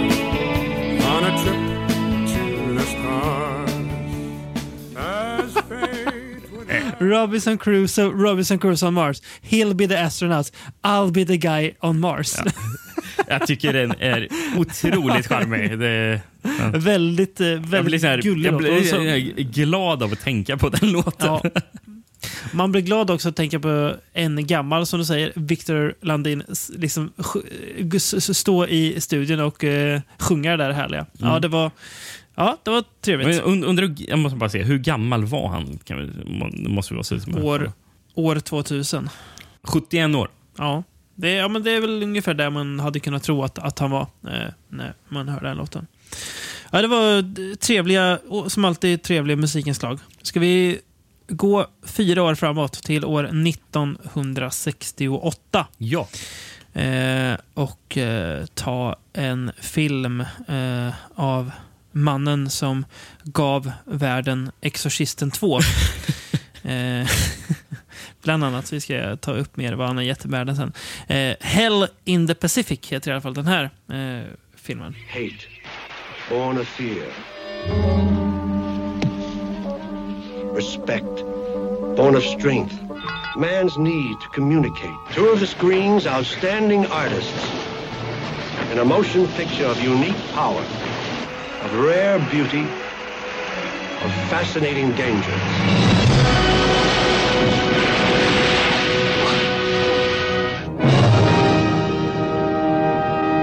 Även känd i Finland som Två mäns helvete. Bra. Bra Finland. Tyskland, Helvetet är vi. Också bra. Och bäst tycker jag att eh, Sverige är. Mm. Duell i Söderhavet. Ja, trevligt. Men jag, jag, gillar, jag gillar nästan, nästan tyskarnas helvetet är vi. Det Ja. var lite mer så här. Men eh, ja, Duell i Söderhavet är också bra. Det finns någonting med duell, duell i Söderhavet som jag gillar. Det, Ja, det gör det verkligen. Det gör det verkligen. Det får ju verkligen sin förklaring också när vi ska berätta vad filmen handlar om. Har du något att läsa upp på jag har denna? en svensk VHS. Ja, du har det till och med. Eh, Med eh, Duell i Söderhavet då, eller? Ja, precis. Jag har förresten en tagline som inte var på VHSen då, mm, eh, men, men som jag Mm. gillade. They hunted each other as enemies. They tormented each other as savages. They faced each other as men. Den är bra. Eh, Mm, den är väldigt bra. jag, jag hittade faktiskt två svenska VHS. Men jag ska läsa, läsa från den som heter Duell i Söderhavet. Men det finns en. Jag hittade en annan VHS som, eh, som står Hell in the Pacific bara på. Men det jag gillar på, på den baksidan när jag läser är att det står en världsberömd film av John Borman. Ja, Hela, hela filmen är världsberömd. värld, världsberömd. Det Ja, var den film, gör att den filmen är så världsberömd. ja Till skillnad precis. från andra filmer. Det. Eh, men vi ska läsa på Duell i Söderhavet som är utgiven av eh, Scand, Scand Video. I Stilla oceanen under andra världskriget hamnar en japansk marinofficer och en amerikansk flygare på samma öde korallö. Då de förstår att de båda finns där tar fruktan överhand, överhanden och jagar och tränger varandra en längre tid. Men ingen av dem vill begagna tillfälle att dräpa den andra. Det blir en ytterst primitiv kamp om vatten, ma- mat och bark. Eftersom ingen av dem förstår den andres språk blir det speciella spänningar. Japanen lyckas övermanna amerikanen och håller honom i ett slags fångenskap tills han själv blir överrumplad och situationen ställs på huvudet. Ingen har emellertid någon glädje eller lust att fortsätta denna katt och råtta-lek. Efter en tid uppstår en ömsesidig vapenvila. De börjar att leva tillsammans så gott de kan. De fiskar, dricker sig fulla och pratar var och en på sitt sätt. Så en dag börjar japanen att bygga en flotte medan amerikanen bara springer runt och hånar honom. Men så småningom förstår amerikanen att, det- att, att det japanen gör inte är så dumt och sluter sig därför till, sluter sig därför till arbetet på flotten. Så får de flotten färdig och lägger ut på havet. Bambuflotten seglar genom storm och hetta och kommer så småningom till en större ö som bär tydliga tecken på att det varit en krigsskådeplats, men som nu ligger öde. Denna trista syn gör det både förtvivlade och påminner om deras fiendeskap. Denna film är säkert en av de mest intressanta som regissören har skapat. Han har också signerat filmer som Picknick med döden och Excalibur-kungens svärd. Jag hade förresten ingen aning om att Ex- Excalibur hette Excalibur, kungens svärd på svenska. Nej, in, inte jag heller. Eh, Sverigepremiär 14 april eh, 1969 eh, på biograf Palladium i Stockholm. Mm. Och sen eh, visas på tv eh, 6 november eh, 76 i TV2 som det hette då. Eh, det är kul att gå in på svensk filmdatabas och kolla upp de filmer. Eh, kan säga att på den här filmen har de typ allt lagrat. De har till och med något, alltså ett manuskript eh, som finns eh, i, Oj. i deras arkiv. Eh, och, och filmen på eh, 35 mm också. Mm. Eh, så det finns liksom jättemycket kvar på en sån här film som Ja, det är ju ingen obskyr film så, men det är ju inte liksom den varken John Borman-film eh, eller eh, Lee Marvin eller Toshiro Mifune-film man pratar Nej, mest om verkligen kanske. Eh, Bara, bara en sid, eh, fotnot till det jag läste. Mm. Eh, Scand Video. Eh, jag ser att det står distribution i Sverige, Danmark, Finland och Island. Undrar om Scand Video är, är Mm. det som blev Scandbox? ja, det låter ju fullt rimligt att det bytte namn sen. Ja. Ja, med tanke på Ja, distributionen där. Mm. att det, ja, exakt. Att det är flera eh, länder. Med tanke på hur Scanbox dividerar all- allt flera språk på baksidan. Ja, och nu, nu Eh. förstår jag Scand. Det är ju Skandinavien. Ja, ja. Men det låter ändå Scandvi. Ja, det Mm. låter konstigt. Eh, ja, men eh, John Borman som sagt. Eh, eh, han har ju gjort mycket. Eh, han har även gjort Deliverance som vi har pratat om. Eh, och eh, för tusan har han gjort eh, sci-fi eposet Haveriet, mästerverket, vad man nu vill kalla den, Zardos också. ja. Som är kanske mest ihågkommen för hur Sean Connery ser ut i sin röda dress i den. Mm. Men Lee Marvin och Toshiro Mifune, det är ju, det är ju namn som får en att eh, haja till va? Det var ju därför jag... Jag, jag tror det det kan vara den första filmen jag la till i den här listan över filmer vi Mm. skulle ha. Och så det var nog att jag såg, okej jag vill prata om den här filmen. Kan vi hitta en ursäkt till det? vi gör ett Robinson Mm, det. Ja, det är jag- bra, bra ursäkt att prata om den här filmen. Eh, Toshiro Mifune är en favorit och ja, Lee Marvin älskar man ju också. Så, ja, det, kan, ju- kanonduo det känns ju på pappret som. Ja, verkligen. Um, Lee Marvin, eh, bland annat gjort eh, Dirty Dozen. eh, och Toshimi Mifune har gjort mycket som helst. Men jag tänker det kan, kan vara kul att nämna något från Beyond-kompatibelt. Och vi har ju faktiskt sett Shogun Samurai som han eh, är med i. Har vi ju till och med sett till podden. Ja, just det. Eh, Ja, ja. Ja, sen är ju såklart mest, mest känd för Kurosawa. Det är ju, alltså, det är ju två, två personer som inte behöver en presentation. Nej, så är det ju. Eh, och eh, då tänker man att det, det borde väl bli, alltså så här, jag, jag, jag skrev det när jag satt mig och kollade på filmen att du har en premiss och så ska du tänka sig två män från två olika kulturer ska hamna på en ö. Eh, det går ju, går ju inte att göra, alltså så här, göra det jättemycket. Jag kan inte komma på två namn på rak arm som skulle vara bättre än Lee Marvin och Toshiro Mimifune. Eh, visst, man hade ju kunnat, kunnat skratta gött om det hade, hade varit typ Ernest Borgnine eller George Kennedy istället för Lee Marvin, men det, det hade inte funkat lika bra som Lee Marvin gör. Det hade kanske varit lite goigt med de två, men eh, Lee Marvin har ju något, eh, något annat som de kanske inte har. Mm, ja. Och Mifune, han är fasen... Ja, Alltså, han är ju Svår. så karismatisk. han, ja ju- eh, oersättlig. Han är ju det. Eh, och jag tycker att de, de funkar väldigt bra mot varandra. Fast de aldrig har en replik där de egentligen förstår varandra så finns det, alltså samspelet mellan dem är jättebra redan från början när det egentligen bara är eh, att de spelar fysiskt mot varandra och typ skriker saker eh, mot varandra på håll. Eh, men sen när de väl börjar, alltså, ja, till slut då, eh, umgås, eh, kanske, ja men de blir typ vänner eller tvingas bli vänner. Då, det funkar fortfarande väldigt bra. Alltså, Eh, alltså, de det blir ju så här att till slut så finner de säga att okej, vi sitter båda i den här sitsen. Varför ska vi Ja, bråka eh, och försöka ha Ja, ihjäl precis. varandra? Eh, snarare så. Men, men, men, men det känns ju faktiskt efter ett tag som att eh, de har varit så, där så länge så att de inte ser, mm, ser varandra som fiender längre. Att, är ett, ett tydligt bevis på det. Eh, när, de hit, när de hittar det här övergivna eh, japanska lägret Mm. och, och Mifende sticker in eh, liksom, och, letar så mm, man får ju se att Lee Marvin är ju orolig för, för Mifune Ja. är han. Och, och, och, och sen så, någon, så blir han sen överraskad av att han ser Och då säger han Oh, for a second I thought you were a Jap. Ja, bara, ja, han är precis, ju en att japan. han- men det är inte på det att sättet som har, han eh, ser det. Liksom, det nej, han, han tänker, han är, tänker inte eh, ens på, på Mifune som fiende Exakt. längre. Liksom, f- f- Nej, förstår man ju precis. den repliken. Eh, Ja, nej, det är väl, väldigt bra. Eh, och, och tycker att också så här, jag, jag vet inte, jag... Jag... Eh, är en film som har marinerat lite. Eh, när, när jag, såklart, den var jag...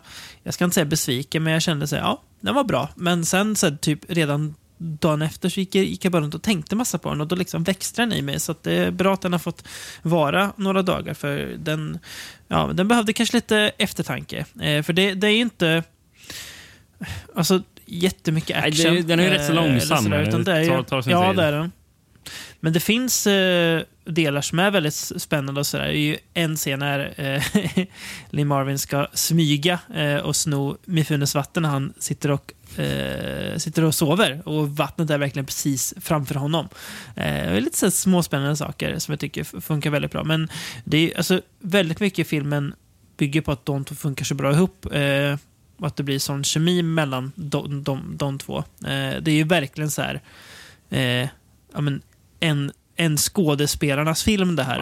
Eh, som, alltså det, det, är, det är de, de är ju allt liksom. Eller ja, det är, är klart att Jo- Jo- Jo- John Bormans regi har men jag menar alltså det vi faktiskt ser, jag liksom tänker inte så mycket på scenografi och så, jag tänker bara på att de två är så bra. Och det är liksom, ja, det är nästan som man skulle titta på teater. Bara att det, alltså, för att det är så Alltså att det är skådespelarna som är det jag verkligen tittar på. Eh, sen är all, all, allt annat runt om är bra, men jag tänker liksom inte så mycket på foto eller soundtrack, utan jag, jag tänker på Marvin och Mifune mot varandra och hur, hur bra det funkar. Eh, och det är liksom, jag behöver inte så mycket mer heller. Eh, det är ju i och för sig ganska mycket, så få som kanske behöver mer än så.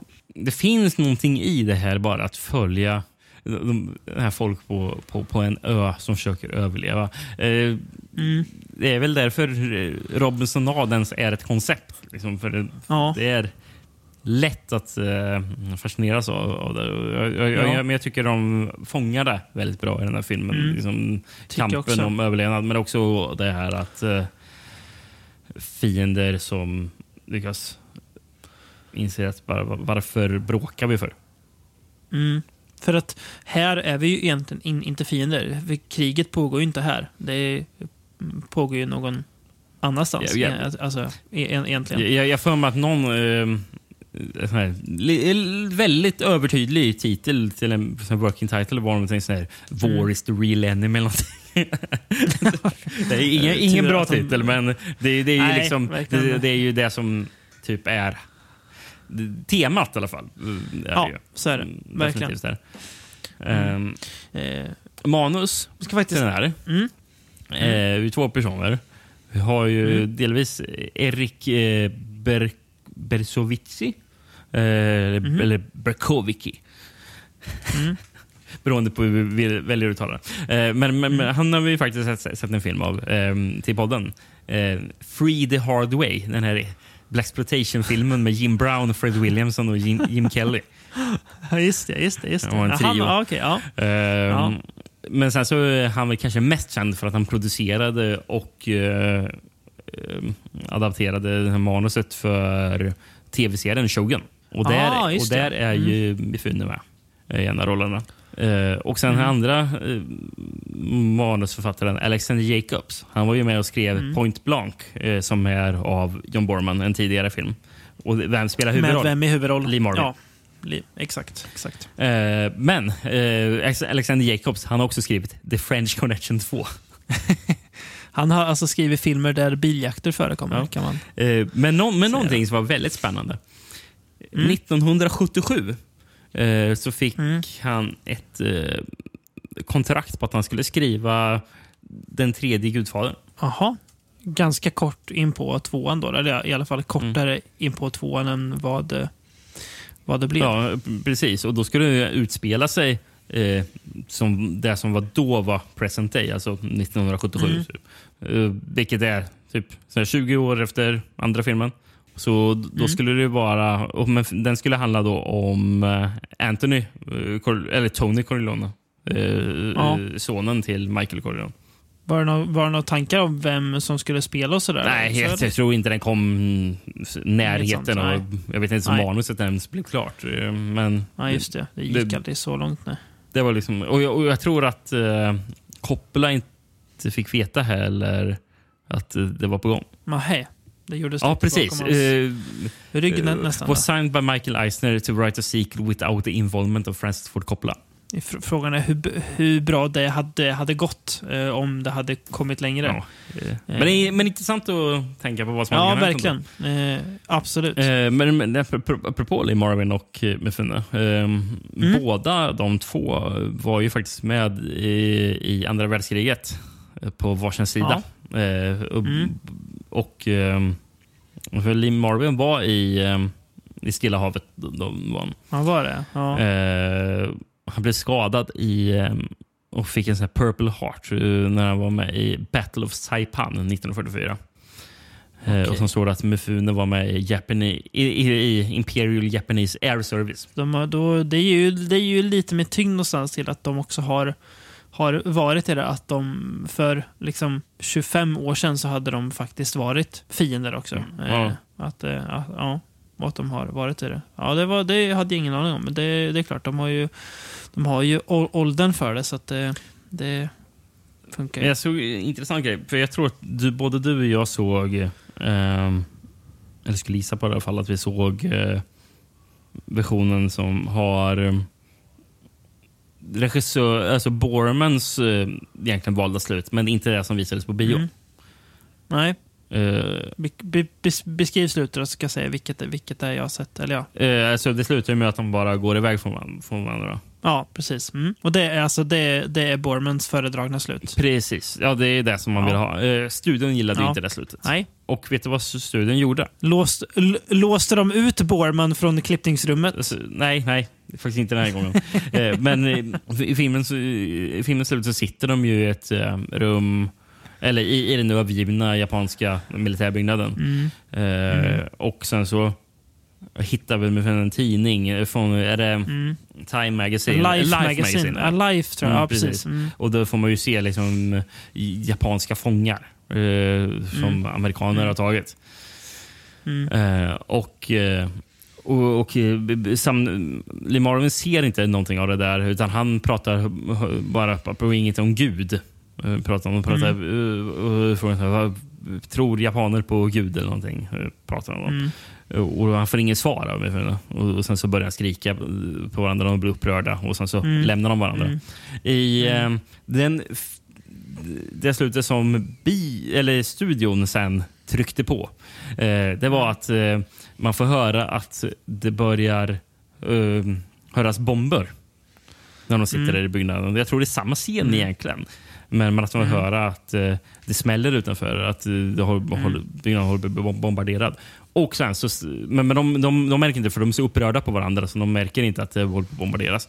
Och sen så sprängs byggnaden med de två. Ja, mycket, mycket sämre slut. Det är det som studion... eh, Så det är det som gick på bio. Men det, det sjukaste, vilket det är så konstigt att man väljer det i kontrast.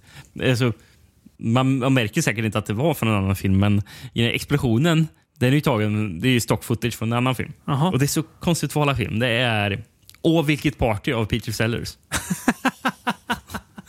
Sluta den här filmen. Ja, det är ju väldigt, eh, två väldigt olika typer av film. Får man ju verkligen konstatera. Då valde man alltså den, den explosionen skulle man ha för att eh, då ändra Bormans Ja. vision och eh, klistra på Ja, och, och, och efter detta så mm, Borman insisterar ju på att han alltid skulle ha eh, creative control på, mm, Ja, på, på sina filmer sen, sen dess. Men, men, men, men någonting. Hade han det på Exorcisten 2 jag, jag, vet inte. Är är, eller är det John Bormans film? För, för, fel att det blev så. Det blev. Ja, kanske är det. Det kanske är det. Vem vet? Han, han kanske ville ha det så. Ja, ja. Någon, någon ville ju ha den så. Varför inte John Borman? Ja, eh, men Mm. det, det var ett eh, slut, ett tredje slut som aldrig filmades. Mhm. Eh, Som var originalslutet i manuset. Eh, men Mm. de som jobbar med filmen insåg att äh, gillar inte. Men det är ett jävla mörkt slut. Där. För i Ja. det så kommer japanska soldater eh, till ön och eh, arresterar eh, Lee Marvin. Eh, och mm. frun bara, nej, nej, eh, gör inte det. Men det hjälper inte. Så eh, senare hittar han Lee Marvins eh, huvudlösa kropp. Oj! Som halshugger honom. Och, eh, och då attackerar han två japanska, två japanska soldater för han blir så upprörd över det där. Och de dödar honom också med att hugga av huvudet på honom. Den tror jag inte studion hade gillat. Det, det tror jag hade. Nej, det, det känns som att där hade de. Men, men det fattades som att skådespelarna heller inte ville att det skulle vara. Bara, nej. Nej, jag, nej, jag, nej, jag, det- Fattar jag rätt så var det slutet som vi såg, det som Borman ville ha, Mm. det tror jag var eh, influerat av att Lee Marvin eh, eh, pratade om att det här eh, borde vara passande. Mm. Hur det gick för filmen kanske kan vara intressant att nämna. Mm. Den hade en budget på 4,1 miljoner dollar. Mm. Eh, box office 3,2. Eh, men Mm. och då fattar jag som att den här box office-siffran är ju under en längre period. Det är inte så här opening weekend vi pratar om här. Ja, det. Så det var ju Mm. en jätteförlust var det för Mm. ABC Films som låg bakom det här. Mm. Det var ju ett kortvarigt företag. Jag vet inte om Mm. de hade med ABC att göra eh, i överlag. Men, men det, jag vet inte, det var väl en av bidragande grejer till att den studion sen la av med att göra film. Jo, ja. Lite som att uh, Cutthroat Island fick eh, en, en hel studio också att gå i, gå i kull. Ja, precis. Eh, Lalo Schifrin har förresten gjort musiken till filmen.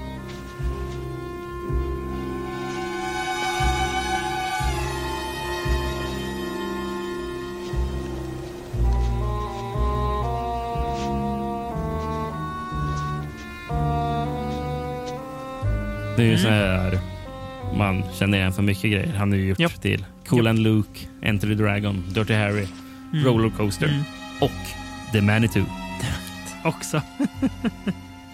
ja, Men- men- men- men- men- The- The Manitou kommer tillbaka om och om Jag igen. vet inte om vi nämnt det tidigare, men eh, att det var han som skulle göra...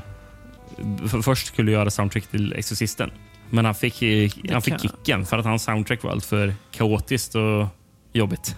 Ja. Men, men det låter rätt så coolt tycker jag att det gör. Ehm, ja, för det finns... eh, Just det, det finns. Ja, men det, det har jag läst om att det finns eh, liksom färdigt, ja.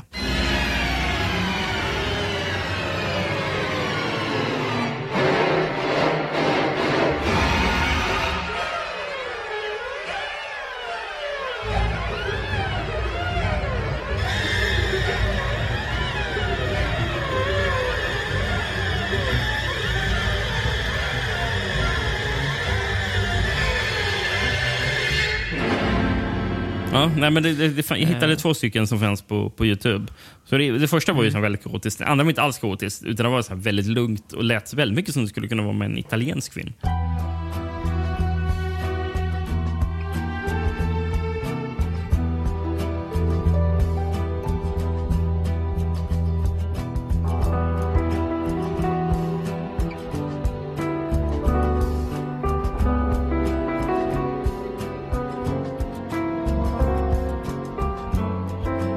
Han, men han fick ju revansch sen, Lars Schifrin, för han fick ju göra eh, soundtrack till demonisk skräckfilm senare när han gjorde soundtracket till huset, huset som Gud glömde. Ja, just det.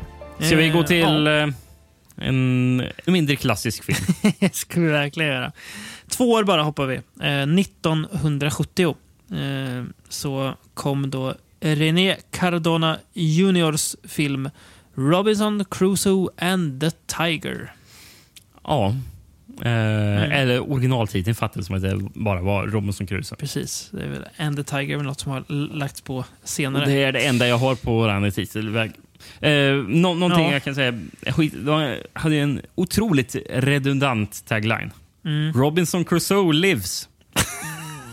ja, jag antar det med tanke på filmens titel. Ja, i suck. Men Mm. Någonting som jag inte, inte blir trött av det är faktiskt den svenska VHSen jag hittade på den här. Oj, oj, oj. Nej. Från NM Internationals videobibliotek. En sån här gu- gul VHS som verkar ha varit i ett bibliotek ser man på den. Gud vad trevligt. En spännande äventyrsfilm med glimrande naturscener. Filmen bygger på den klassiska romanen av Daniel Defoe. I flera år lever Robinson på en ö i ensamhet. Då får han sällskap med en liten inföding som han kallar Fredag. Efter otroliga äventyr och kom kamper med kannibaler och vilda djur tror de att räddningen är nära då de ser ett skepp i närheten av ön. Men det visar sig att skeppets manskap har gjort myteri och att de vill landsätta kaptenen och förste styrman på ön. Robinson och Freda befriar männen och bekämpar myteristerna därför att skeppet betyder deras sista chans att komma till båda trakter. Ska de lyckas att oskadliggöra den stora övermakten? Fam familjefilm, svenska texter inspelat på tre timmars kassett. Speltid 120 minuter. Eh, Jag är lite osäker på om det är rätt film. Jag har läst flera som från. Ja, det låter nästan som Men det. grejen är att på Eh. framsidan så är det affischen. Mm. För det, för det, och, det, och det står också eh, Hugo Stiglitz. Hmm. Jag är fundersam. Grejen är, Mm. det finns ju också en uppföljare på den här som heter Robinson Uvern, Robinson Uvernes en la Isla Encantada. Kan det vara den Mm. som det vet som var från? Typ Robinson och den magiska ön, va? Eller sånt här blir väl där på svenska, tror Ja, jag. jag tror det. Eh, Som vi ska säga, det var den filmen vi egentligen tänkte ha, men den, den, den var omöjlig att hitta. Ja. Eh, Men sen, sen är ju att det här var ju den första av de två filmerna, så det blev ju Exakt, bra det ändå. väl... Men för den, just den VHSen är jag tveksam till. Och nej. Varför jag blev så tveksam när jag satt och läste upp den. De Mm. beskrev så mycket med Freda. Och det är lite där jag Mm. var inne på förut. Filmen behöver ju båda de som motparter mot varandra. Det kan man säga. Filmen är en timme och 50 minuter lång. Ehm, Mm. Jag tror första gången han ser Freda så är det en kvart kvar av filmen. Jag tror första gången han möter Freda är det fem minuter kvar av filmen. Annars har vi bara sett honom driva omkring bland djur. Det är inte bara tigrar, det är leoparder och Mm. Nej. allt möjligt han träffar på. på den där. Japp. Och han har en, en apa också. Springer omkring. Ja, har han. Eh, så- ju- ska, alltså, eh, jag blev ju lite lurad när jag läste handlingsbeskrivningen av här på Letterbox där det stod att det skulle vara Robinson Crusoe fast ur en tigers perspektiv. Det är det ju inte. Det är ren och skär lögn här. det, lät jättegoigt att det var en lite så här lurig film, en tiger följer efter. Men det är bara att han, han blir jagad av en tiger ibland. Ja, alltså det här är... Ja. Alltså det är någonting som jag tycker är märk imponerande med, med, med den här filmen. Det är ju, det är ju, det är ju för övrigt andra mexikanska filmen i avsnittet. Mm, det det. Eh, men Intressant då. 16 år senare. då. Mm. Och grejen är att den här filmen känns eh, också som att den borde komma från 1954. För den, den här känns lika gammal som eh, Louis Som, eh, Buñuels film. Burrells film, ja. Fast, fast, Ja, Louis, är- Louis Buñuels film var trevligare att titta på. Ja, det här är som du säger, det den här filmen är nästan, det är eh, Robinson Crusoes slumpmässiga möten med olika djur på en öde ö. Så borde filmen heta om, om den skulle haft en, en beskrivande titel. För det är ungefär det filmen handlar om. Ja, men det Han känns går som en naturfilm när han håller på att gå omkring. Ja, lite, lite grann. Precis. Eh, Mitt i naturen. Nu när vi pratar så håller jag på att spola igenom filmen och tittar på lite klipp. Varenda klipp jag hoppar in på så är det djur han håller på att titta på. Ja. Det är... Mitt i naturen med Hugo Stiglitz. Ja, precis. Det, det är liksom det vi ser. Eh, Hugo Stiglitz är väl, jag vet inte. Han är, noterar, han är ju hunkigare här än han är i, i Nightmare City i alla fall. För det är ju eh, typ tio år innan, men ja, Ja. jag vet inte. Han är väl, han är, han är. Eh, men det är alltså, den är, den är väl ibland, alltså det är ju rätt snyggt foto ibland, alltså lite, alltså snyggt naturfoto och sådär. Ja, men, eller lite så här fint foto, alltså fi, fi, fina miljöer kanske snarare. Eh, alltså lite så här, ja, lite exotiska miljöer. Fint foto är att ta i kanske. Mm. Eh, men det är liksom, jag vet inte. Som du säger, filmen saknar ju någon slags den saknar ju mm, någonting för Robinson att studsa mot. Det är ju liksom bara han som går runt och filosoferar och röker lite pipa och tänker på eh, livet och alla, alla djur han eh, jagar och blir Mm. jagad av. Det, Problem, Det där är Grejen är att eftersom den här filmen är rakt av Robinson Crusoe, förutom att Mm. vi knappt får, får se eh, någon inblandning av Freda, då, precis. så tycker jag att då måste ni, då måste ni göra någonting med det också. Eh, och Problemet är Ja. att vi pra, har redan pratat om en mycket bättre Robinson Crusoe-film i avsnittet. så blir det så här. Jag kan inte annat än jämföra den mot uh, Buñuels. Eh, Nej, det blir ju så. Eh, och då så finns det inget som den här gör Nej. bättre. Den har den här tigern, det är väl lite coolt. Att han går omkring med en tiger. Ja, jo. Det, är- det är väl det. Jag håller på att titta på tigern just nu. har på, Mm. som Stiglitz vandrar omkring med och jävlar, det var ju svinläskigt. Fan, hon står och klappar tigern. Mm. Och, och eh, tigern håller på och nafsar på honom med tassen. Li- Lite som i Roar. Ja, det, det, det känns ju fan roar och jag tittar på det klippet. Ja, ja. En, eh, Ehm, föregångare till Roar. Nej, men eh, jag är inte jättesugen på att se uppföljaren. Nej, det känner vi också att eh, den, den kan få fortsätta finnas i obskuritet. Så behöver inte jag ge mig i kast med den. Det känns som att René Cardona Jr borde fortsätta med exploitation som Guyana Crime of the Century. Fan, världens mest, bland de mest smaklösa filmer som gjorts. I alla fall på ett idé, idéstadium. Ja. Ja. det borde den verkligen. Eh, ja. Ska vi rulla vidare? Ja, ja det, det får bli en sån film. Vi rullar vidare fem år framåt i tiden till 1975. Eh, med den här filmen har ju en otrolig orgi, or, or, originaltitel. Det låter nästan som att filmens titel inte är liksom att, att det saknas några, no, några ord i den när man säger den. Men f- f- filmen heter alltså kort och gott Man Friday.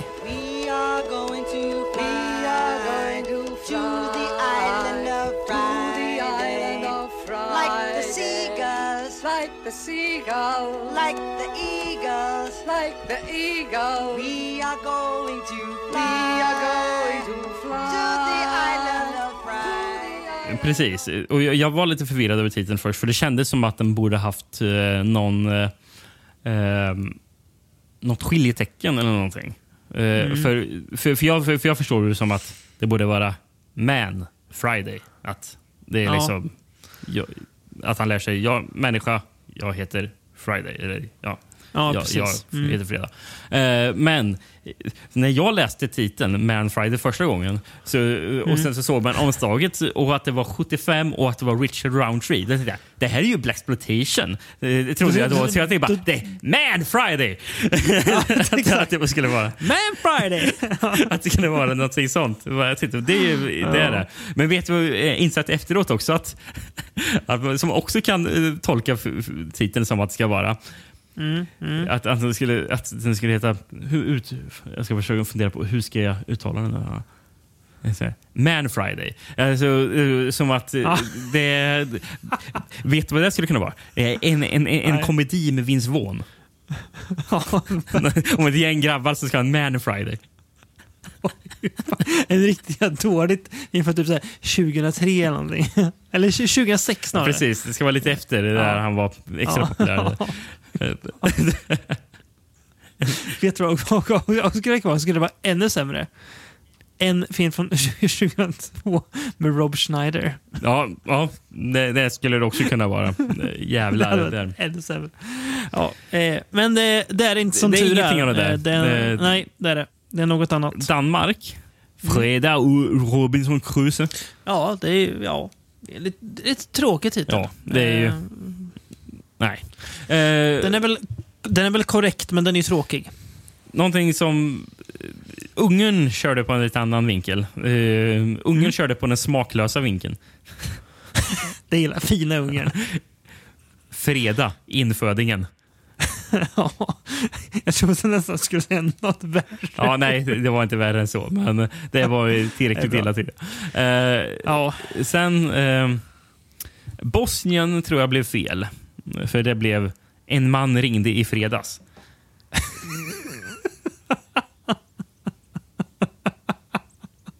tror inte den är rätt. Eh, tror inte jag heller. Nej, jag hade ju blivit glad om det var rätt. Bosnien bara körde på. Eh, den sista titeln vi kör det är från Sverige eh, som är Mm. Fredag, människan. Exakt. Och när du säger Sverige, Rickard, så... Eh, jag tänker, jag har, nu känner jag att jag, jag har fått... Det alltid, det, ska ju du, det kan ju vi vara transparenta för lyssnarna med, även om du inte är den som slår på bröstet. Men du är ju den som ofta kollar upp sådana här saker. Men jag tänker att jag kan bli svensk filmdatabas-killen i vår lilla konstellation alltid vara med och kolla lite där. Och jag har gjort så på Fredag Människan. Ja, vad roligt. Eh, jag hittar... Det, stå, eh, det verkar att Sverigepremiär först 1980, eh, 29 mars. Eh, hittar ingen info om visningar förut... Jo, det, den verkar ha haft faktiskt premiär på tv i Sverige, eh, enligt den här sidan. Ja. Eh, och märkt, TV2. Märkligt att det står då att filmen är 108 mi- minuter lång. Men sen står det inom parentesen originallängd 115 minuter. Så jag undrar vad man liksom, vad har man klippt då för någonting? Ja, för den versionen vi såg var ju en timme och 50 minuter. Ja, den är liksom mitt, eh, mitt ja, typ någonstans mitt emellan där. Ja. Eh, och en, en, en till grej som gör mig lite konfunderad eh, kring så här, att den hade tv-premiär 1980, det är att svensk, Svenska Filminstitutet har en 35 mm kopia av den här filmen också. Men den verkar, jag vet inte tusan om den gick på bio. Inte vad jag ser här i alla fall. Nej. Ja, den är, oh, nu ser jag att den är byggd på en pjäs, men det kanske du Ja. kommer in på. Ja, jag, jag kan ta direkt. Det här är ju byggt byggt Ja. på en pjäs av Adrian Mitchell. Mm. Eh, en tv-pjäs. För den, den Okej. visades på tv 72 då, som eh, Mm. en del av BBCs eh, Play for Today. Eh, som var då. Eh, men sen året efter så gjorde han en eh, pjäs för att visas på teater. Eh, så, så den hade premiär i London 73. Och sen två år senare Mm. kom eh, den här filmen ut, 75. Sam, samma år skrev också Adrian Mitchell en bok som kom ut. Mm. Vet inte om det är rakt av från pjäsen eller mer in line med filmen. Det vet jag inte. Mm. Ehm, kan vi även säga att den här är, även den här är filmad i Mexiko, så det är tredje filmen idag som är filmad där. Tredje filmen som i alla fall är, eh, har med Mexiko att göra. Ja, eh, har du någon eh, VHS? Ja, en amerikansk jag kan, jag kan dra lite från. Mm. Yes, Eh, gör jag hittar inget annat på den här. A startling new int- interpretation of the Defoe classic, Robinson Crusoe. Adrian Mitchell's uh, screenplay focuses on Man Friday, where Defoe's concept was a society's acceptance of white supremacy. Mitchell's approach is a more, is a more contemporary view of the relationship, with his man Friday having intelligence and a belief in basic human dignity, and Crusoe's arrogance challenged and crumbling. Over the years, the relationship deteriorates as, as their intellectual beliefs and the human values conflict in daily confrontations, and each regards the other as a kind of emotional cripple. The result is a provoc- provocative and suspenseful tale of conflict and survival. Mm. Precis, för den här filmen skillnaden är ju här att eh, när filmen börjar så är ju Robinson, då har han ju varit där i flera år. Så filmen börjar med typ att han, han hittar Freda. Eh, eller ja, han, han tror att han räddar Freda eh, från eh, en, ett gäng eh, vilda infödingar som ska äta upp honom. Men det han egentligen gör är att han, han dödar ju Fredas liksom, eh, Vänner. Eh, typ. ja, vänner. för, för, grejen hans, att eh, de håller på med rituell kannibalism, eh, Fredo och hans Ja, eh, två exakt. vänner där. Men det är ju, men, men det är ju Yes. någonting de är, för, för, för det är ju en person som har självdött. Det är inte någon som de dödat Ja. för att äta. Nej, utan de, de ska väl äta Precis. honom för att anden ska föras vidare. Någonting, pr- pratar de Ja, om. Men det tolkar ju inte Robinson som. Så han bara Nej. brutalt skjuter ihjäl två eller tre av de andra och sen så Precis. befriar han inom citationstecken Ja, exakt. Freda. Det, Och ska ju då, eh, jobbar ju då för att liksom försöka ta infödingen ur Freda och göra honom till eh, en civiliserad britt. För han pratar ju om hur liksom fint the British Empire is. Precis, men, Eh, men, Peter, Peter O'Toole ska sägas, är ju, Ja. är spelar ju Ro- Robinson Crusoe. Eh, också värt att säga. Som vi ju då såklart känner igen från eh, Caligula, som ex- Caligulas pappa. Ingen annan film. Eh, nej, nej. Men, men, men, men, men det som gör den in- intressant i den här filmen det är ju det här att eh, när Robinson befriar Freda, vi får ju se allting från Fredas perspektiv. Så det Ja. ser ju bara ut som att han blir öv- överfallen och det ser ut som att eh, ja, man, man får ju se liksom kolonisatören Robinson som man kanske Verkligen. kan visa honom i fler grejer för det är väl egentligen det han är. Jag vet inte hur... Ja. Alltså det är svårt för jag har, jag har inte gjort så mycket research egentligen. För jag kan ju tänka mig att Defoe alltså skrev boken, vad var det, 1719 eller någonting. Ja, Eh, det är ju liksom, det är, det är ju det är då Europa koloniserar världen för fulla muggar. Liksom. Det är Precis. då Europa bestämmer sig för att, för att världen är, är vår. De som står i vår väg. Ja. Och jag vet, och jag vet Ja. att många, eh, att, jag läst att folk som kritiseras för att bara... Det här är ju bara en sån här kolonial, kolonial sån imperialistisk eh, syn på världen. Eh, som, bara, ett, att man ska typ ska cancella Robinson Crusoe. Jag vet inte om ni har sett någon, nej, jag, jag, jag bara sa det. Nej. Jag har inte sett ja, någon jo, skriva men det. det. Finns, det finns nog folk som har sagt det. Garanterat. Men, ja. Ja. men, men, men, det, men det jag skulle säga, jag, jag, Mm. vad jag fattade som så finns det ändå lite kritik mot eh, kolonialism som Defoe har med i sin bok. Sen Mm. vet jag inte hur pass det stämmer, men jag, jag, Jag vet att, eh, att eh, han var ju journalist Defoe också och att han var eh, alltså, samhällskritiker också. Mm. Sen, om man, alltså, sen vet jag inte vad i samhället han kritiserade, men precis som eh, Jonathan Swift, som man lätt att bla- blanda upp de två anledningarna, så kritiserar han liksom sin, sin samtid och hur, hur samhället såg Mm. ut. Så att, eh, det är väl inte omöjligt att han såg att det här, eh, det här kolonisationen vi håller på med, det är ju, det är ju inte särskilt eh, mänskligt. Nej, men, Men men, det- men, men, men någonting i alla fall eh, i eh, de tre filmerna vi har pratat om tidigare som har Robinson Crusoe i titeln. Mm. Ingen av dem i alla fall visar någon slags kritik mot Robinson som karaktär eller någonting. Tycker jag inte Nej. alls. Eh, Nej, han är ju, han är ju hjälte där. Ja, precis. Eh, Eh, alltså inte ens. Wells tycker jag liksom visar upp honom Nej. i någon här dålig dager. Eller, eller bara försöker vända på det. Bara göra han rätt eller någonting.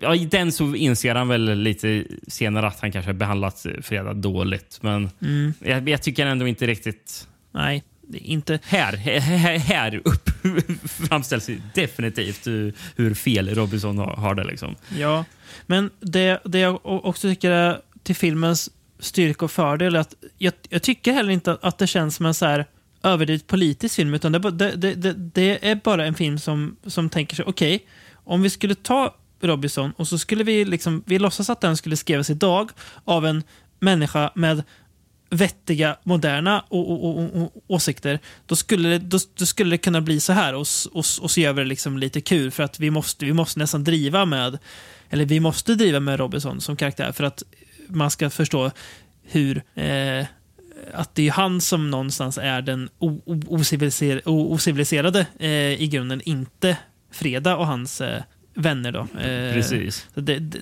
det, det känns bara som en, liksom, en modern Robinson. Eh, sen kan man ju såklart läsa in politiska saker eh, i att Richard Runty, eh, Shaft då, och, eh, en av Black rörelsens stora namn, att just han spelar Friday.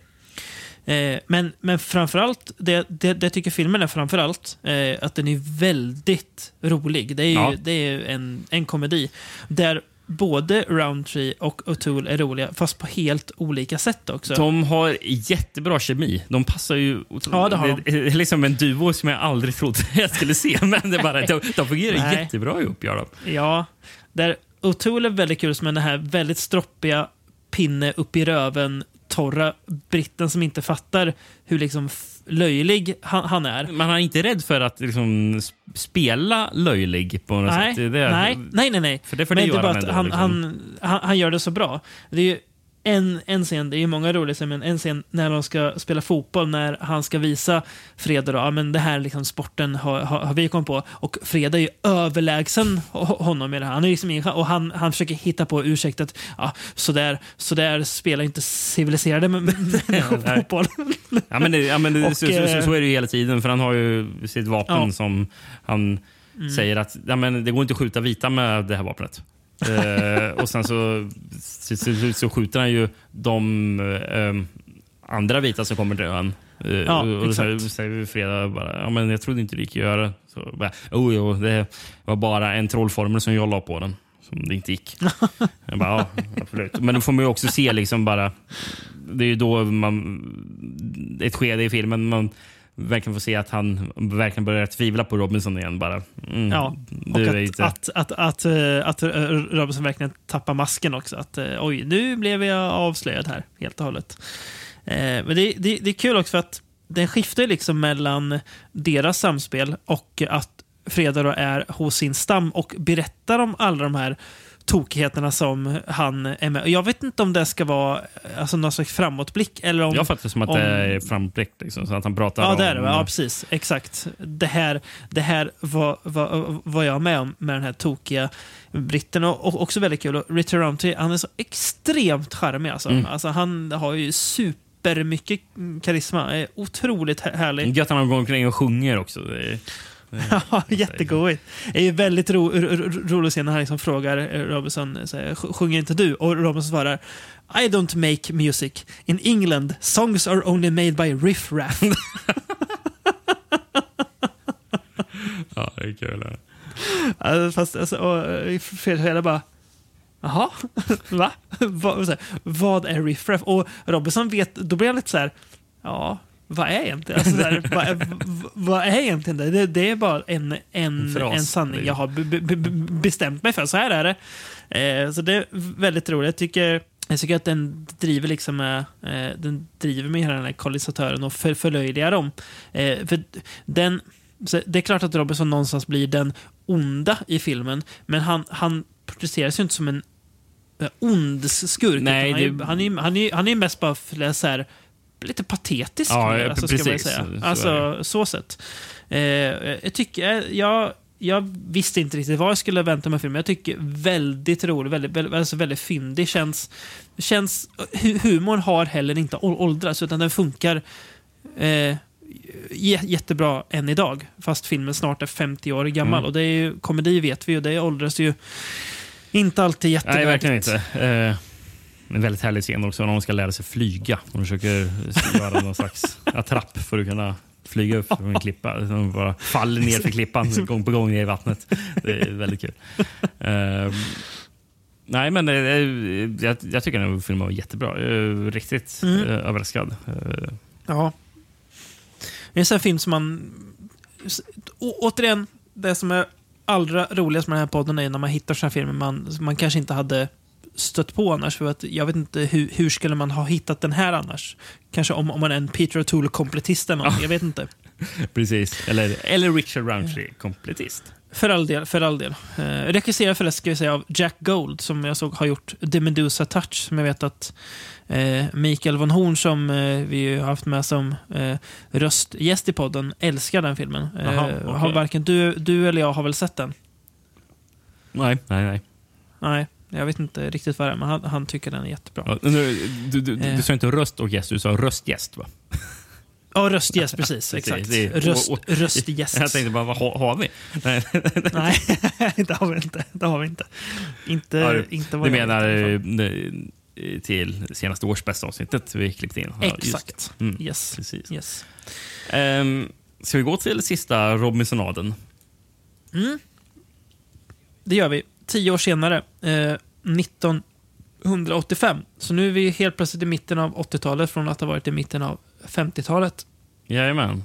Och då, och då har vi en film av eh, en man som man eh, kanske inte alltid tänker har så roliga filmer, men som ju när man kollar hans filmografi faktiskt har en hel del spännande filmer. Definitivt. Eh, Wolfgang Petersen och hans film Enemy Mine. enemies because they were taught to be. Allies because they had to be. Brothers because they dared to be. And only one of them is human. Enemy mine. Coming this Christmas to theaters everywhere. Ja, Österrike. Eh, enemy, enemy Mine, älskande fiende. Japan, femte planeten. Eh, det var även samma titel i, Tai- i Taiwan. Så det ver- verkar vara en grej det där med femte planeten. Eh, Sydkorea, SOS Space Special. Vilken, vilken, vilken uselt god titel. Eh, Finland, På fiendens villkor. Eh, Och Sverige, usel titel. Fiende. Mm. Japp. Hade premiär 25 april eh, 1986 faktiskt. Eh, på, I Göteborgs, Malmö, Stockholm i alla fall. Ehm, och sen, det här är ju go- goda trick, för det här, här är ju lite så här what if. Eh, för när du nästan hade fyllt 10 och jag eh, var 8 så hade vi en sommarkväll 1997, den 6 juli, kunnat se den här på TV4. Om vi hade vetat Ja, bättre. det är otroligt. Ja. Men det gjorde vi nog inte. Eh, inte vad jag vet Nej. i alla fall. Eh. Det är ju fyra år efter Das Båt för övrigt. Är det ju. Mm, Mm. just det. Det var ju den film jag syftade på om man ska plocka intressanta filmer ur Petersens Jag trodde arsenal. du pratade om eh, Air Force One. I och för sig- inte en helt oäven film det heller, men eh, kanske inte Das Båt. Det är mycket grejer som inte är Das Båt kan jag säga, för det är Japp. något egen klass. Eh, men, det- en liten tagline först bara innan jag går till en VHS. Enemies Yes. because they were taught to be. Allies because they had to be. Brothers because they dared to be. Det är mycket bra. Det är det. Mycket bra tagline. Mm. Eh, men, ska vi se här. En finsk VHS. Avsnittets ända. Inget avsnitt är komplett utan en finsk OS. Nej, nej. Gosset och Quaid slåss mot varandra och en fientlig planet i detta fantasifulla äventyr som utspelas i en ödslig, avlägsen värld. Händelserna i filmen utspelar sig i framtiden där ett vilt krig pågår mellan jorden och planeten Dragon. Det här är så kul att säga på svenska. Så här, Dragon. Ehm, Dragon. Invånarna på planeten Dragon är intelligenta, ödleliknande varelser. En pilot från jorden, David, eh, för ett skoningslöst luftkrig mot Jeriba Shigan från planeten Dragon. De tvingas nödlanda på en glödande ödslig planet, Firine 4. Även om de båda är castaways är oförmögna att tänka på annat än att förstöra varandra. Till slut upptäcker de dock att det enda sättet att överleva är att övervinna deras outsläckliga hat mot varandra. Ja, men ganska bra tycker jag. Eh, Att han för ett skoningslöst luftkrig. Ja, det är rym, rymdluftkrig. Eh, den börjar med lite så text att eh, i slutet av 2000-talet så eh, har mänskligheten kommit fram till att eh, nu slutar vi bråka så det är liksom total fred på jorden och då bör man försöka kolonisera rymden istället. Och det är då man slåss då mot de här... Och hittar man andra att eh, bråka, bråka med Drax. istället. Exakt, Drax då som man kallar dem för. För att Drax menar ju att varför ska ni komma och, och ta den här planeten för? Varför har inte vi rätt till dem? Och så blir, blir det Mm. krig. Eh, Dennis Quaid och Louis Gossett Jr. Gossett Jr. Eh, Dennis Quaid är väl med i eh, Hajen 3, va? Den sämsta Hajen-filmen. Både, både han och Louis Gossett Jr är med i Jaws 3D. Ja, du ser. Ja. Och den kom ju innan den här, Två va? år, två år innan, innan den här. Två år innan. Mm. Nå- Någonting jag inte visste med David Dennis Quaid. Jag visste inte att han var med i den där Are You, alone, eh, Are you in the house alone från 78. Jaha. den, eh, en tv-film, va? Ja. Eller? Tror jag det. För den heter så va? Or in the house alone. Ja, jag tror det. Ska kolla. Jag tror jag har den framför mig. TV Movie 1978, precis. Det är, den är med Blythe Danner, alltså Gwyneth Paltrows morsa. Eh, bland annat. Eh, med i den också. Eh, Har han något annat intressant än Dennis Quaid? Eller har Louis Gossett Jr. något annat intressant förutom Hajen 3? Vet du, Jag har aldrig gillat Dennis Quaid. Han har nog över sig som jag inte... Han har en... Han har, vet vad han har? En, en, en ska rövhålsaura över sig. han känns som en, som en Definitivt. otrevlig skådis.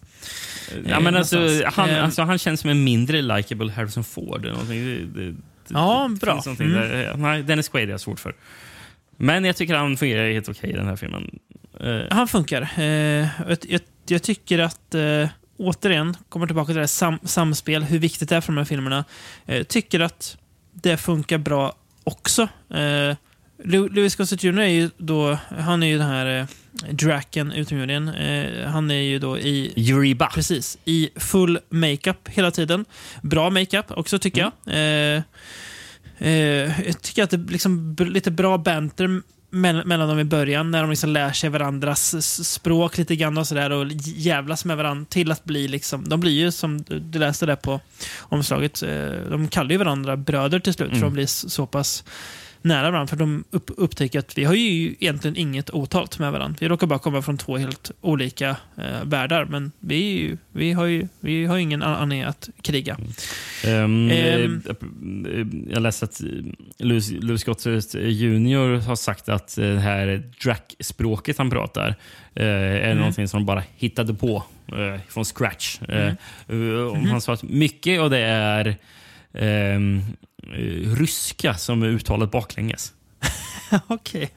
Det är eh, smart också att spela lite på kalla kriget, även om det började gå mot till sitt slut här. Men att, Ja. eh, lite ryssen mot amerikanen. Jag kommer återkomma till Eh. eh, ryssen senare i den här Ja, filmen. det kommer det. Men, Mm. Nej, men jag, jag, jag tycker att det här är en... Eh, eh, här, här tycker jag ett intressant, eh, en in, intressant take på en eh, Robinsonad. Eh, för här, här, här blir det som att Dennis Quaid från början är ju liksom då någonstans, kolonisatören och hjälten. Och eh, Gossett Jr är då fienden för att han är annorlunda. Mm. I det här fallet då en utomjording. Men här, i den här filmen går man mot att båda liksom eh, lär sig att eh, eh, det är ingen idé att vara fiender. Så bå, de, det är den här eh, hjälte-skurk-rollen suddas, eller suddas ut, gör den ju mellan de två. Sen kommer det in en annan skurk i, i, i filmen. Det skulle jag ju säga att hjälteskurkrollerna suddas ju ut också i Hell in the Pacific. Och Där är de Ja, jämlika. ab- absolut. Nej, nej, det är, ja, precis. Det är, ingen av dem är ju eh, bättre eller sämre än den andra. Eh, så är det. Och där är det ju så från, från början. Jag tycker den, den, den filmen tar aldrig något så här att, att vi ska vurma för eh, det amerikanska heller. Nej. Kan man ju faktiskt passa på att lägga in. Ja, bra att du nämnde det. Nej, men det, det tycker jag är intressant det här att eh, eh, att så här, li, li, lite standard av en sån här film skulle vara då att u- utomjordingen var ond och att man då måste bekämpa den. Men här blir det ju eh, något annat istället. Den gör ju... Eh, Det var ju det som jag tror annat. mm, eh, fick eh, Wolfgang Petersen att hoppa på. Eh, Ja. För han sa att han, han är inte intresserad av eh, Star Wars sci-fi. Det är inte alls hans grej. Nej. Eh, så. Men sen har han läst att det är knappt någon action alls. Det är kanske någonting jag ska ge mig på. Då. Mm. Det, det, det, det, det är kul med tanke på att Wolfgang Petersen vad han började göra på 90-talet. Där det började ramla in på action. Men, men här på 80-talet då När hade han, han, andra eh, ambitioner i alla fall. Behövde jobb. Ja, precis. Eh, nej, men Innan det, det, det ju... In the line of fire. Exakt. Det är ju några coola set pieces. Tänker det här eh, slukarmonstret de stöter på i en typ eh, kvicksandsliknande eh, grop. Mm. Eh, så de, de får hjälpa, eller framförallt eh, Gossett Jr. får hjälpa Quaid ur. Eh, och lite så här, ja, grejerna de, de stöter på på den här planeten. För det är ju också intressant att det är en planet som är obekant för dem, för dem båda. Eh, för trots att det är en utomjordisk planet så är den ju lika utom utomplanetär då, kanske man kan säga, Mm. för eh, eh, Men- Jonas karaktär. Så men- båda är ju... Men, men det kan man väl säga att det är ungefär samma grej i Robinson Crusoe också. För Freda är väl från en annan, en annan ö. Så Ja, det är, yes, det är det ju är- samma grej precis. fast en annan planet. Ja, här, exakt. Det är det. det, är det. Så det, det blir så. Men de, de är liksom samma, samma villkor eh, på någonstans. Sen är det intressant så här, vad filmen tar för inte, ja, inte vändningar, men man liksom väljer att gå i storyn. För sen, en bit in i filmen då, så visar sig, för man, man tar ju för givet att det är två liksom män här som, som blir vänner. Eh, och det kanske det är. Eh, men det beror ju på, får jag all, aldrig ve, veta så mycket om de här utomjordingarnas an, an, anatomi eller så. Men Gossip Juniors karaktär är ju gravid. Eh, kommer det ju fram Mm. efter ett tag. Eh, han är ju, eller ja, om man nu säger han, vi gör det för enkelhetens skull. Eh, och ska ju då föda ett barn. Men eh, ja, eh, så då blir det ytterligare någonting som läggs in i eh, spelet så att säga. Nå, nå, någonting de båda måste hjälpas åt. Att det här, det här barnet måste klara sig och måste hem till min planet. Ja. det, kan, det kan inte vara kvar här och det kan framförallt inte bli slav åt eh, elaka människokolonisatörer Nej. som ju kommer in då som, som skurkar sen i filmen. En, en av de, ledarna för de här kolonisatörerna, eller skurkarna, det är ju, Mm. spelas ju Brian James eh, som Mhm. man ser i mycket eh, mer genrefilm. Eh, Så jäkla skurk ut, Ja, ja, precis. Har ju sett honom i Nemesis och Scannercop bland annat. Mm. Mm. Kanske mer känd för sin roll i Blade Runner, men ja. Eh, Det är ju inte lika viktig, viktig film att nämna. Oh, jag ska nämna en annan grej. som Det slog mig en grej apropå Dennis Quaid. Uh, manus skrev Ed- Edward Camara. Uh, Mm. Jag skrev manuset till Dragon, The Bruce Lee Story. Sjukt att, att vi fick möjlighet att nämna den två gånger i det här Ja. avsnittet. Men han har även skrivit manus till den här eh, Merlin med Seminil. Minns du Mm. den? Den kommer jag ihåg när, när den kom. Ja, aldrig, uh, uh, Det är sent 90-tal va? ja, all, aldrig sett, men jag, jag, jag kommer ihåg när den kom. Den har jag fan med sett. Ja, det, den, den har du kanske till och med fan med hyrt, Rickard. Det kan ha hänt det faktiskt. Ja. Ja. Samma regi- regissör som Coneheads konstigt nog. Coneheads. En, en film ingen minns. Den kan du ha hyrt. Coneheads.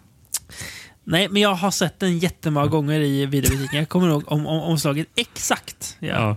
Jag, Ja, all, all, all, in, inte ens som barn var jag intresserad av att se den filmen. Det var någonting. är väl med uh, Dan Aykroyd va? Ändå. Ja, jag. där. Mm, precis. Ja. I och för sig, ja. Han har väl aldrig varit någon så här jätte Dan, Dan Aykroyd-fan så, men ändå så att Ja, var- ja.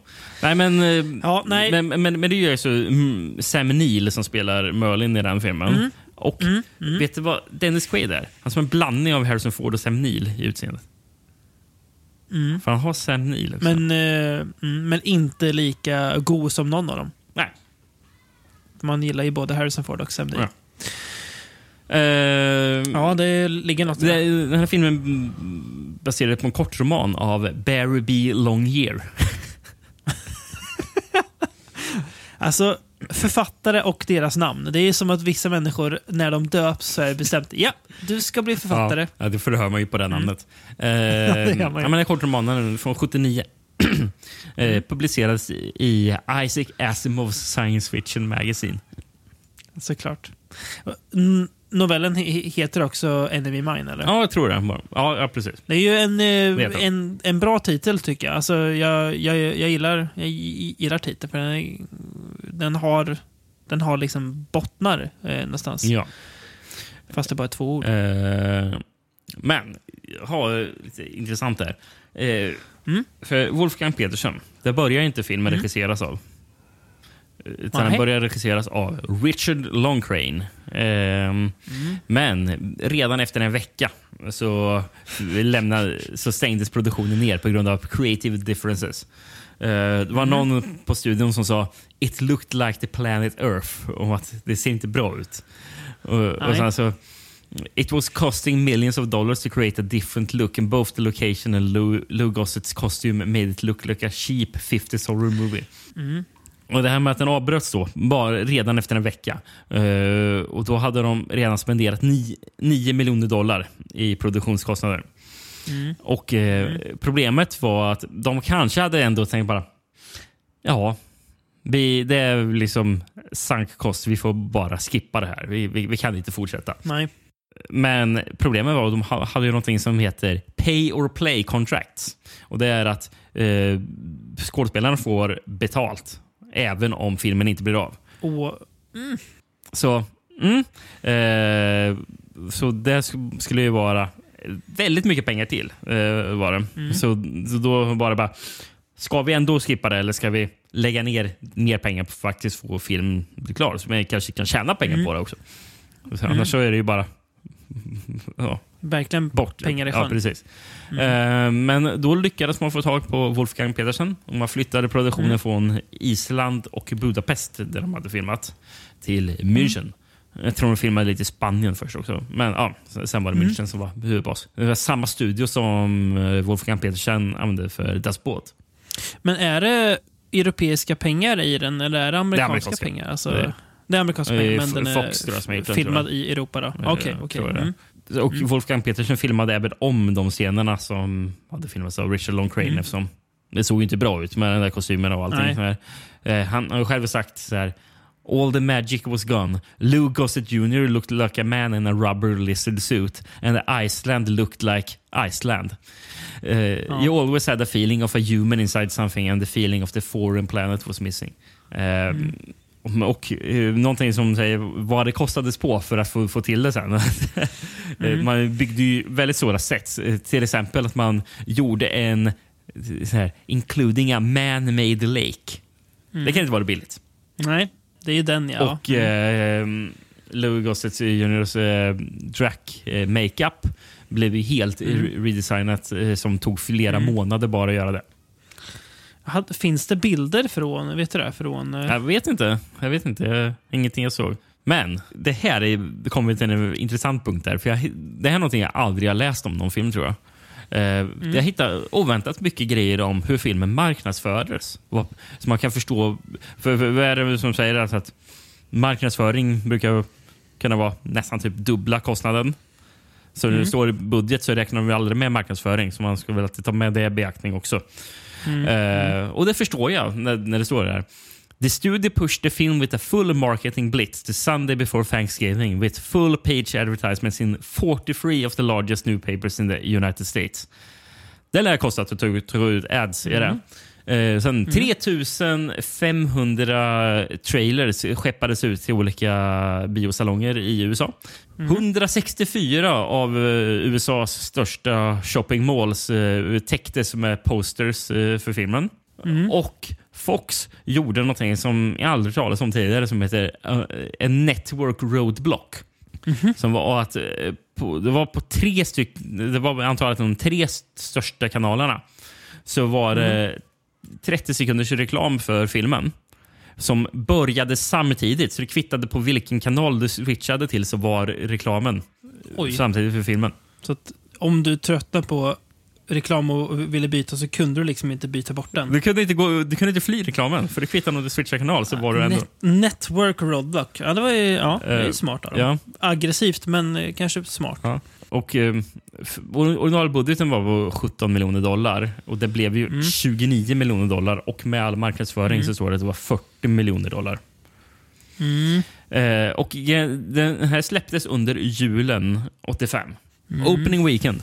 1,5 miljoner dollar. Mm, det känns som en... en det, det känns som en- av de här många filmerna, för det finns ju många exempel i filmhistorien, eh, där en bra film eh, ändå tog floppar för att den... Jag vet inte. Det är svårt att säga varför. Eh, men jul... Ja, kanske inte en film att lansera då, va? Det känns ju som att, att, att Fox ville pusha den som en så här stor eh, blockbuster, ja. men det Ja, är det ju inte riktigt. De, det marknadsfördes ju fel också med att de på omslaget är ju Dennis Quaid och Louis Gossett Jr.'s Alien eh, som deras ansikten är vända mot varandra. Så det ser ut som att det här ska vara en slags monster action eller ut, Ja, som ska slåss mot varandra. Sen så, det är inte alls vad filmen är. Så det var väl konstig marknadsföring också för den. Ja, Men, men alltså, det, är- det är inte så sjukt. Det är så- 1,5 miljoner dollar av 40 miljoner. Ja. Ehm, Mm. det är eh, och- och- brak, brakförlust verkligen. Vid juldagen så hade de fått in 2,3 miljoner dollar på box office. Mm. Och eh, då, då var det någon sån här Fox-producent som hade fått, eh, hade fått en fråga bara. "Ja, Men hur mycket eh, skulle behö behövas för att eh, pengarna ska, vi ska få tillbaka pengarna på den filmen? Eh, och då Mm. svarade han bara It doesn't really matter because it's not going to do it. Det, bara, det är ingen idé att vi pratar om det, för det, kommer inte få tillbaka Nej, pengar från den filmen. Men, men, men någonstans där, det- där den gick bra, fattar jag det som. För den blev Mm. en kultfilm i Sovjetunionen. För den var den första... På tal om att du skulle återkomma till eh, Ryssland. Ex, Mm. Exakt. Den var, det var den första västerländska eh, sci-fi-rullen som hade visat sig på bio. Ja. Så det var väl någonting som fick folk att tända till. Mm, mm. Att folk var in, eh, liksom, nyfikna på det am amerikanska som de inte på jättelänge hade ens kunnat drömma om att, att, att, få, att, att få se. Liksom. Ja. Så ja, en kult. Mm. Jag, jag kan verkligen förstå varför den här filmen floppade. Vissa filmer kan man ju inte riktigt förstå varför de floppade, men här kan jag, jag kan förstå Ja. det. Eh, Men, men, men med det sagt tycker jag inte att den är dålig. Det, det, det, den kritiken jag ska rikta mot filmen ändå, det är att eh, den blir väldigt såsig mot slutet. Extremt. Den, den, är, den är även såsig i mitten och lite i sina Ja, beskärda men delar. slutet jag är liksom... Slutet är nästan så att man får tandvärk för att det är så sliskigt. eh, så, så är det dåligt för det? Ja, men det, jag vet inte. Jag tycker att... att det, det blir liksom nästan lite så här... Ja, jag vet inte. Det blir lite, lite för mycket. Men... Eh, Ja, men det, alltså, det, jag tycker det är mycket i filmen är att det blir för mycket av att bara titta. Vi är vänner nu Mm. och vi har Ja, kommit här. Bara, precis. ja, alltså, vi fattar det, men eh, det blir Ja. väldigt... Uh, alltså, alltså, vad bra, bra, bra ord. Såsigt blir det. Blir fan det. Det är som att det ska ham, ham, hamras in så här. Kolla, de vänner över rasgränser. Kolla, kolla, Ja. kolla. Mm. Vi, vi, vi, vi vet det. Vi förstår det. Och att de ska liksom kallas slutet när han, spoiler alert då, eventuellt, när Dennis Quaid åker tillbaka till eh, eh, planet eh, för att hålla hans lineage-tal. Super. Så då, då, satt- då satt jag soffan och tänkte, nej nu, nu är det lite mycket va? Ja. Nu är det lite mycket va? Verkligen. Men eh, jag, jag tycker ändå att i hela är det en, en, eh, en, bra film. Alltså, en klart stabil film. Eh, men som jag, som jag också ser, ja, det här är nog mer en film som har blivit en lite så halvkultfilm Mm. efter än att den förstods av sin tid. Mm. Du sa ju det Rickard, att, eh, att det var slut på Robisonader. Eller hur? Eh, det är ju det. Det var den sista för avsnittet. Men det är inte sista filmen för avsnittet. Nej, för det innebär ju inte att eh, vi inte ska be oss till ytterligare en eh, ganska öde ö. Ehm, för nu, kära vänner, kommer eh, kanske 10% av eh, lyssnarskaran eh, vråla ja! Där ni sitter, Är det så många? eller går, eller står, eller vad ni gör. 5, 5 av lyssnarskaran kommer att vråla ja! Jag, jag kan säga att det är bara eh, 50 av programledarskaran som jublar ja. Det är, Nu ska vi prata Franco igen. Och vi ska prata filmen The House of Lost Women från 1983. Så det är ändå, ganska nära i tid. Eh, Enemy Mine. Eh, in, intressant nog. Jag, jag var rätt så pepp faktiskt när jag såg på den. Jag var sugen på en Franco. Det var, det var länge sedan. Mm, Det dröjde inte många minuter in i filmen innan jag inte var så sugen längre. Innan den klassiska utzoningen skedde, eller? Alltså, det var en satans seg film du valde för att, Mm. och, och för att vi skulle återvända. Alltså, jag, har ju, jag har ju nästan glömt bort hur det är att titta på en film och det känns som att tiden står stilla. Det, Det, det, Det är tyckte något- jag vi fick uppleva här. det är något un, unikt Ja. med hans filmer. Eh, den eh, utspelar sig då på en ö där en familj bor helt, helt själva i ett hus. Och eh, då har vi då dottern, eh, Desmedona, spelad såklart av Lina Romay. Eller som hon här är då creditas som Candy Coster. Ja. Eh, som såklart är jättekåt och jättesexuellt nyfiken. Men hon är liksom ingen att, eh, att utöva det här på. Eller jo, vänta. Det finns faktiskt en, en man på ön. hennes far. Så hon eh, flörtar ju. Är ju jag, jag, vi kan säga flörta. Så det är ju mycket värre än så. Ja, vi det kan man säga. flörta kan vi göra. Med honom. Eh, men sen till slut i alla fall så kommer det en, en till man till, till den här ön. Eh, och då riktar ju sig hennes nyfikenhet direkt mot honom och det blir lite så här, ja, eh, nu kanske, nu kanske jag pratar filmen som mer än vad det är. Men det är, det är en extremt skev familj det här och eh, slitningarna i familjen blir ju inte mindre när den här mannen kommer. Nej. Så kan vi säga. Eh, nej, det, det dröjer ju inte alls länge innan vi får se Lina och mig ligga med särade ben, ben, bara bröst och ligga och pilla på sig själv och prata om hur... Eh, ja. Och det är väldigt mycket av det i den här filmen. Det är väl- väldigt mycket av det. Och det är väldigt Eh, ja. utdraget. Där. Vill du veta vad en av mina goa an anteckningar är som jag tänkte, jag kan liksom inte göra, jag kan inte skriva någon för försköning här, utan jag kommer skriva det här precis som det jag ser där. Och jag Mm. skrivit så här, Lina och mig röker med fittan.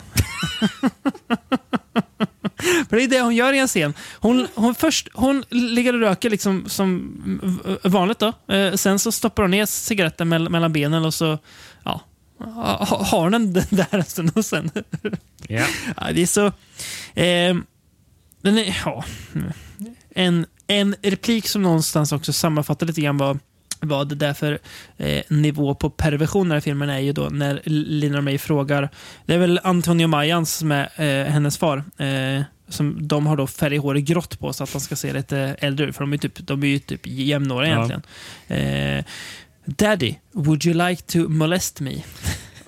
Så det är någonting med den här filmen. Eh, Det är en så jävla pervers film. Är. Eh, djupt, djupt pervers film. han har ju någon... Eh, vad har hon för relation till den där tjejen som... Vad, vad är det för åkomma hon lider av? Hon, Ja, men hon är väl uh, förståndsnedsatt, tänker Är jag. det- Eh, det är det alltså? Ja. Ja, Som det är hennes, och, lill, hennes lilla syster tror jag. Så. som ligger och ga, ga, gapar i sängen. Och det, Ja. Usel skådis Ja, det är förresten. Usel fruktansvärt. skådis. Det är Ja. bedrövliga scener. Lina och mig lär ju såklart henne hur man eh, tillfredsställer sig själv. Mm. För det, Och- det otroligt obekväma. Ja, det får man säga. Sen är det så att ibland så finns det, och det är framförallt i början och slutet av filmen, eh, så finns det så försök till att så här, jag vet inte, berätta, eller berätta berätta, men att det, så här, ja, men det är någon slags familjedrama. Men det är som att Franco kan, han kan liksom inte det är som att han inte kan fokusera längre än några minuter innan. Nej, nu var det här inget kul längre. Lina, fram med fittan så kör vi. Det, är liksom någonstans där man hamnar och jag håller med dig. Det blir ju... Jag tycker inte det händer någonting i filmen. Det, det, det, Nej, nej men det, det är ju det här klassiska. De går runt där, de är kåta. Eh, eller hon är kåt. Hon ligger och, som vi har sagt så många gånger, åmar sig. Undrar hur många timmar av vå- vårt liv vi vi- vi sp- spenderar på att, att, att se Lina och mig ligga och åma sig. Det är fler än, eh, fler än gemene man. Ja, ja det. och det här. Ehm, jag, jag, Ja. Grejen är att titeln The House of Lost Women tycker jag låter för classy. Mm. Den alternativa titeln jag hittade på den översätts till perver, perversion på den förlorade ön. Eh, det tycker Mm. jag mer stämmer överens med den här filmen. Den är ju bättre. Eh, Den, eh, den titeln Det, egentligen. det, det ger mig i alla fall inte några förhoppningar på att det ska vara något annat. Skulle jag säga. Det, då är det mer vad det. Alltså, det, det, det bästa jag kan säga om, om filmen är att soundtracket eh, fungerar helt okej. Det, det är ju bara tok för repetitivt, för det är det ju nästan Mm. alltid i hans filmer. Mm. Att det, samma liksom, motiv återkommer hela tiden utan att man får Mm. höra något annat. Men, men jag tycker det fungerar. Det är någonting i alla fall.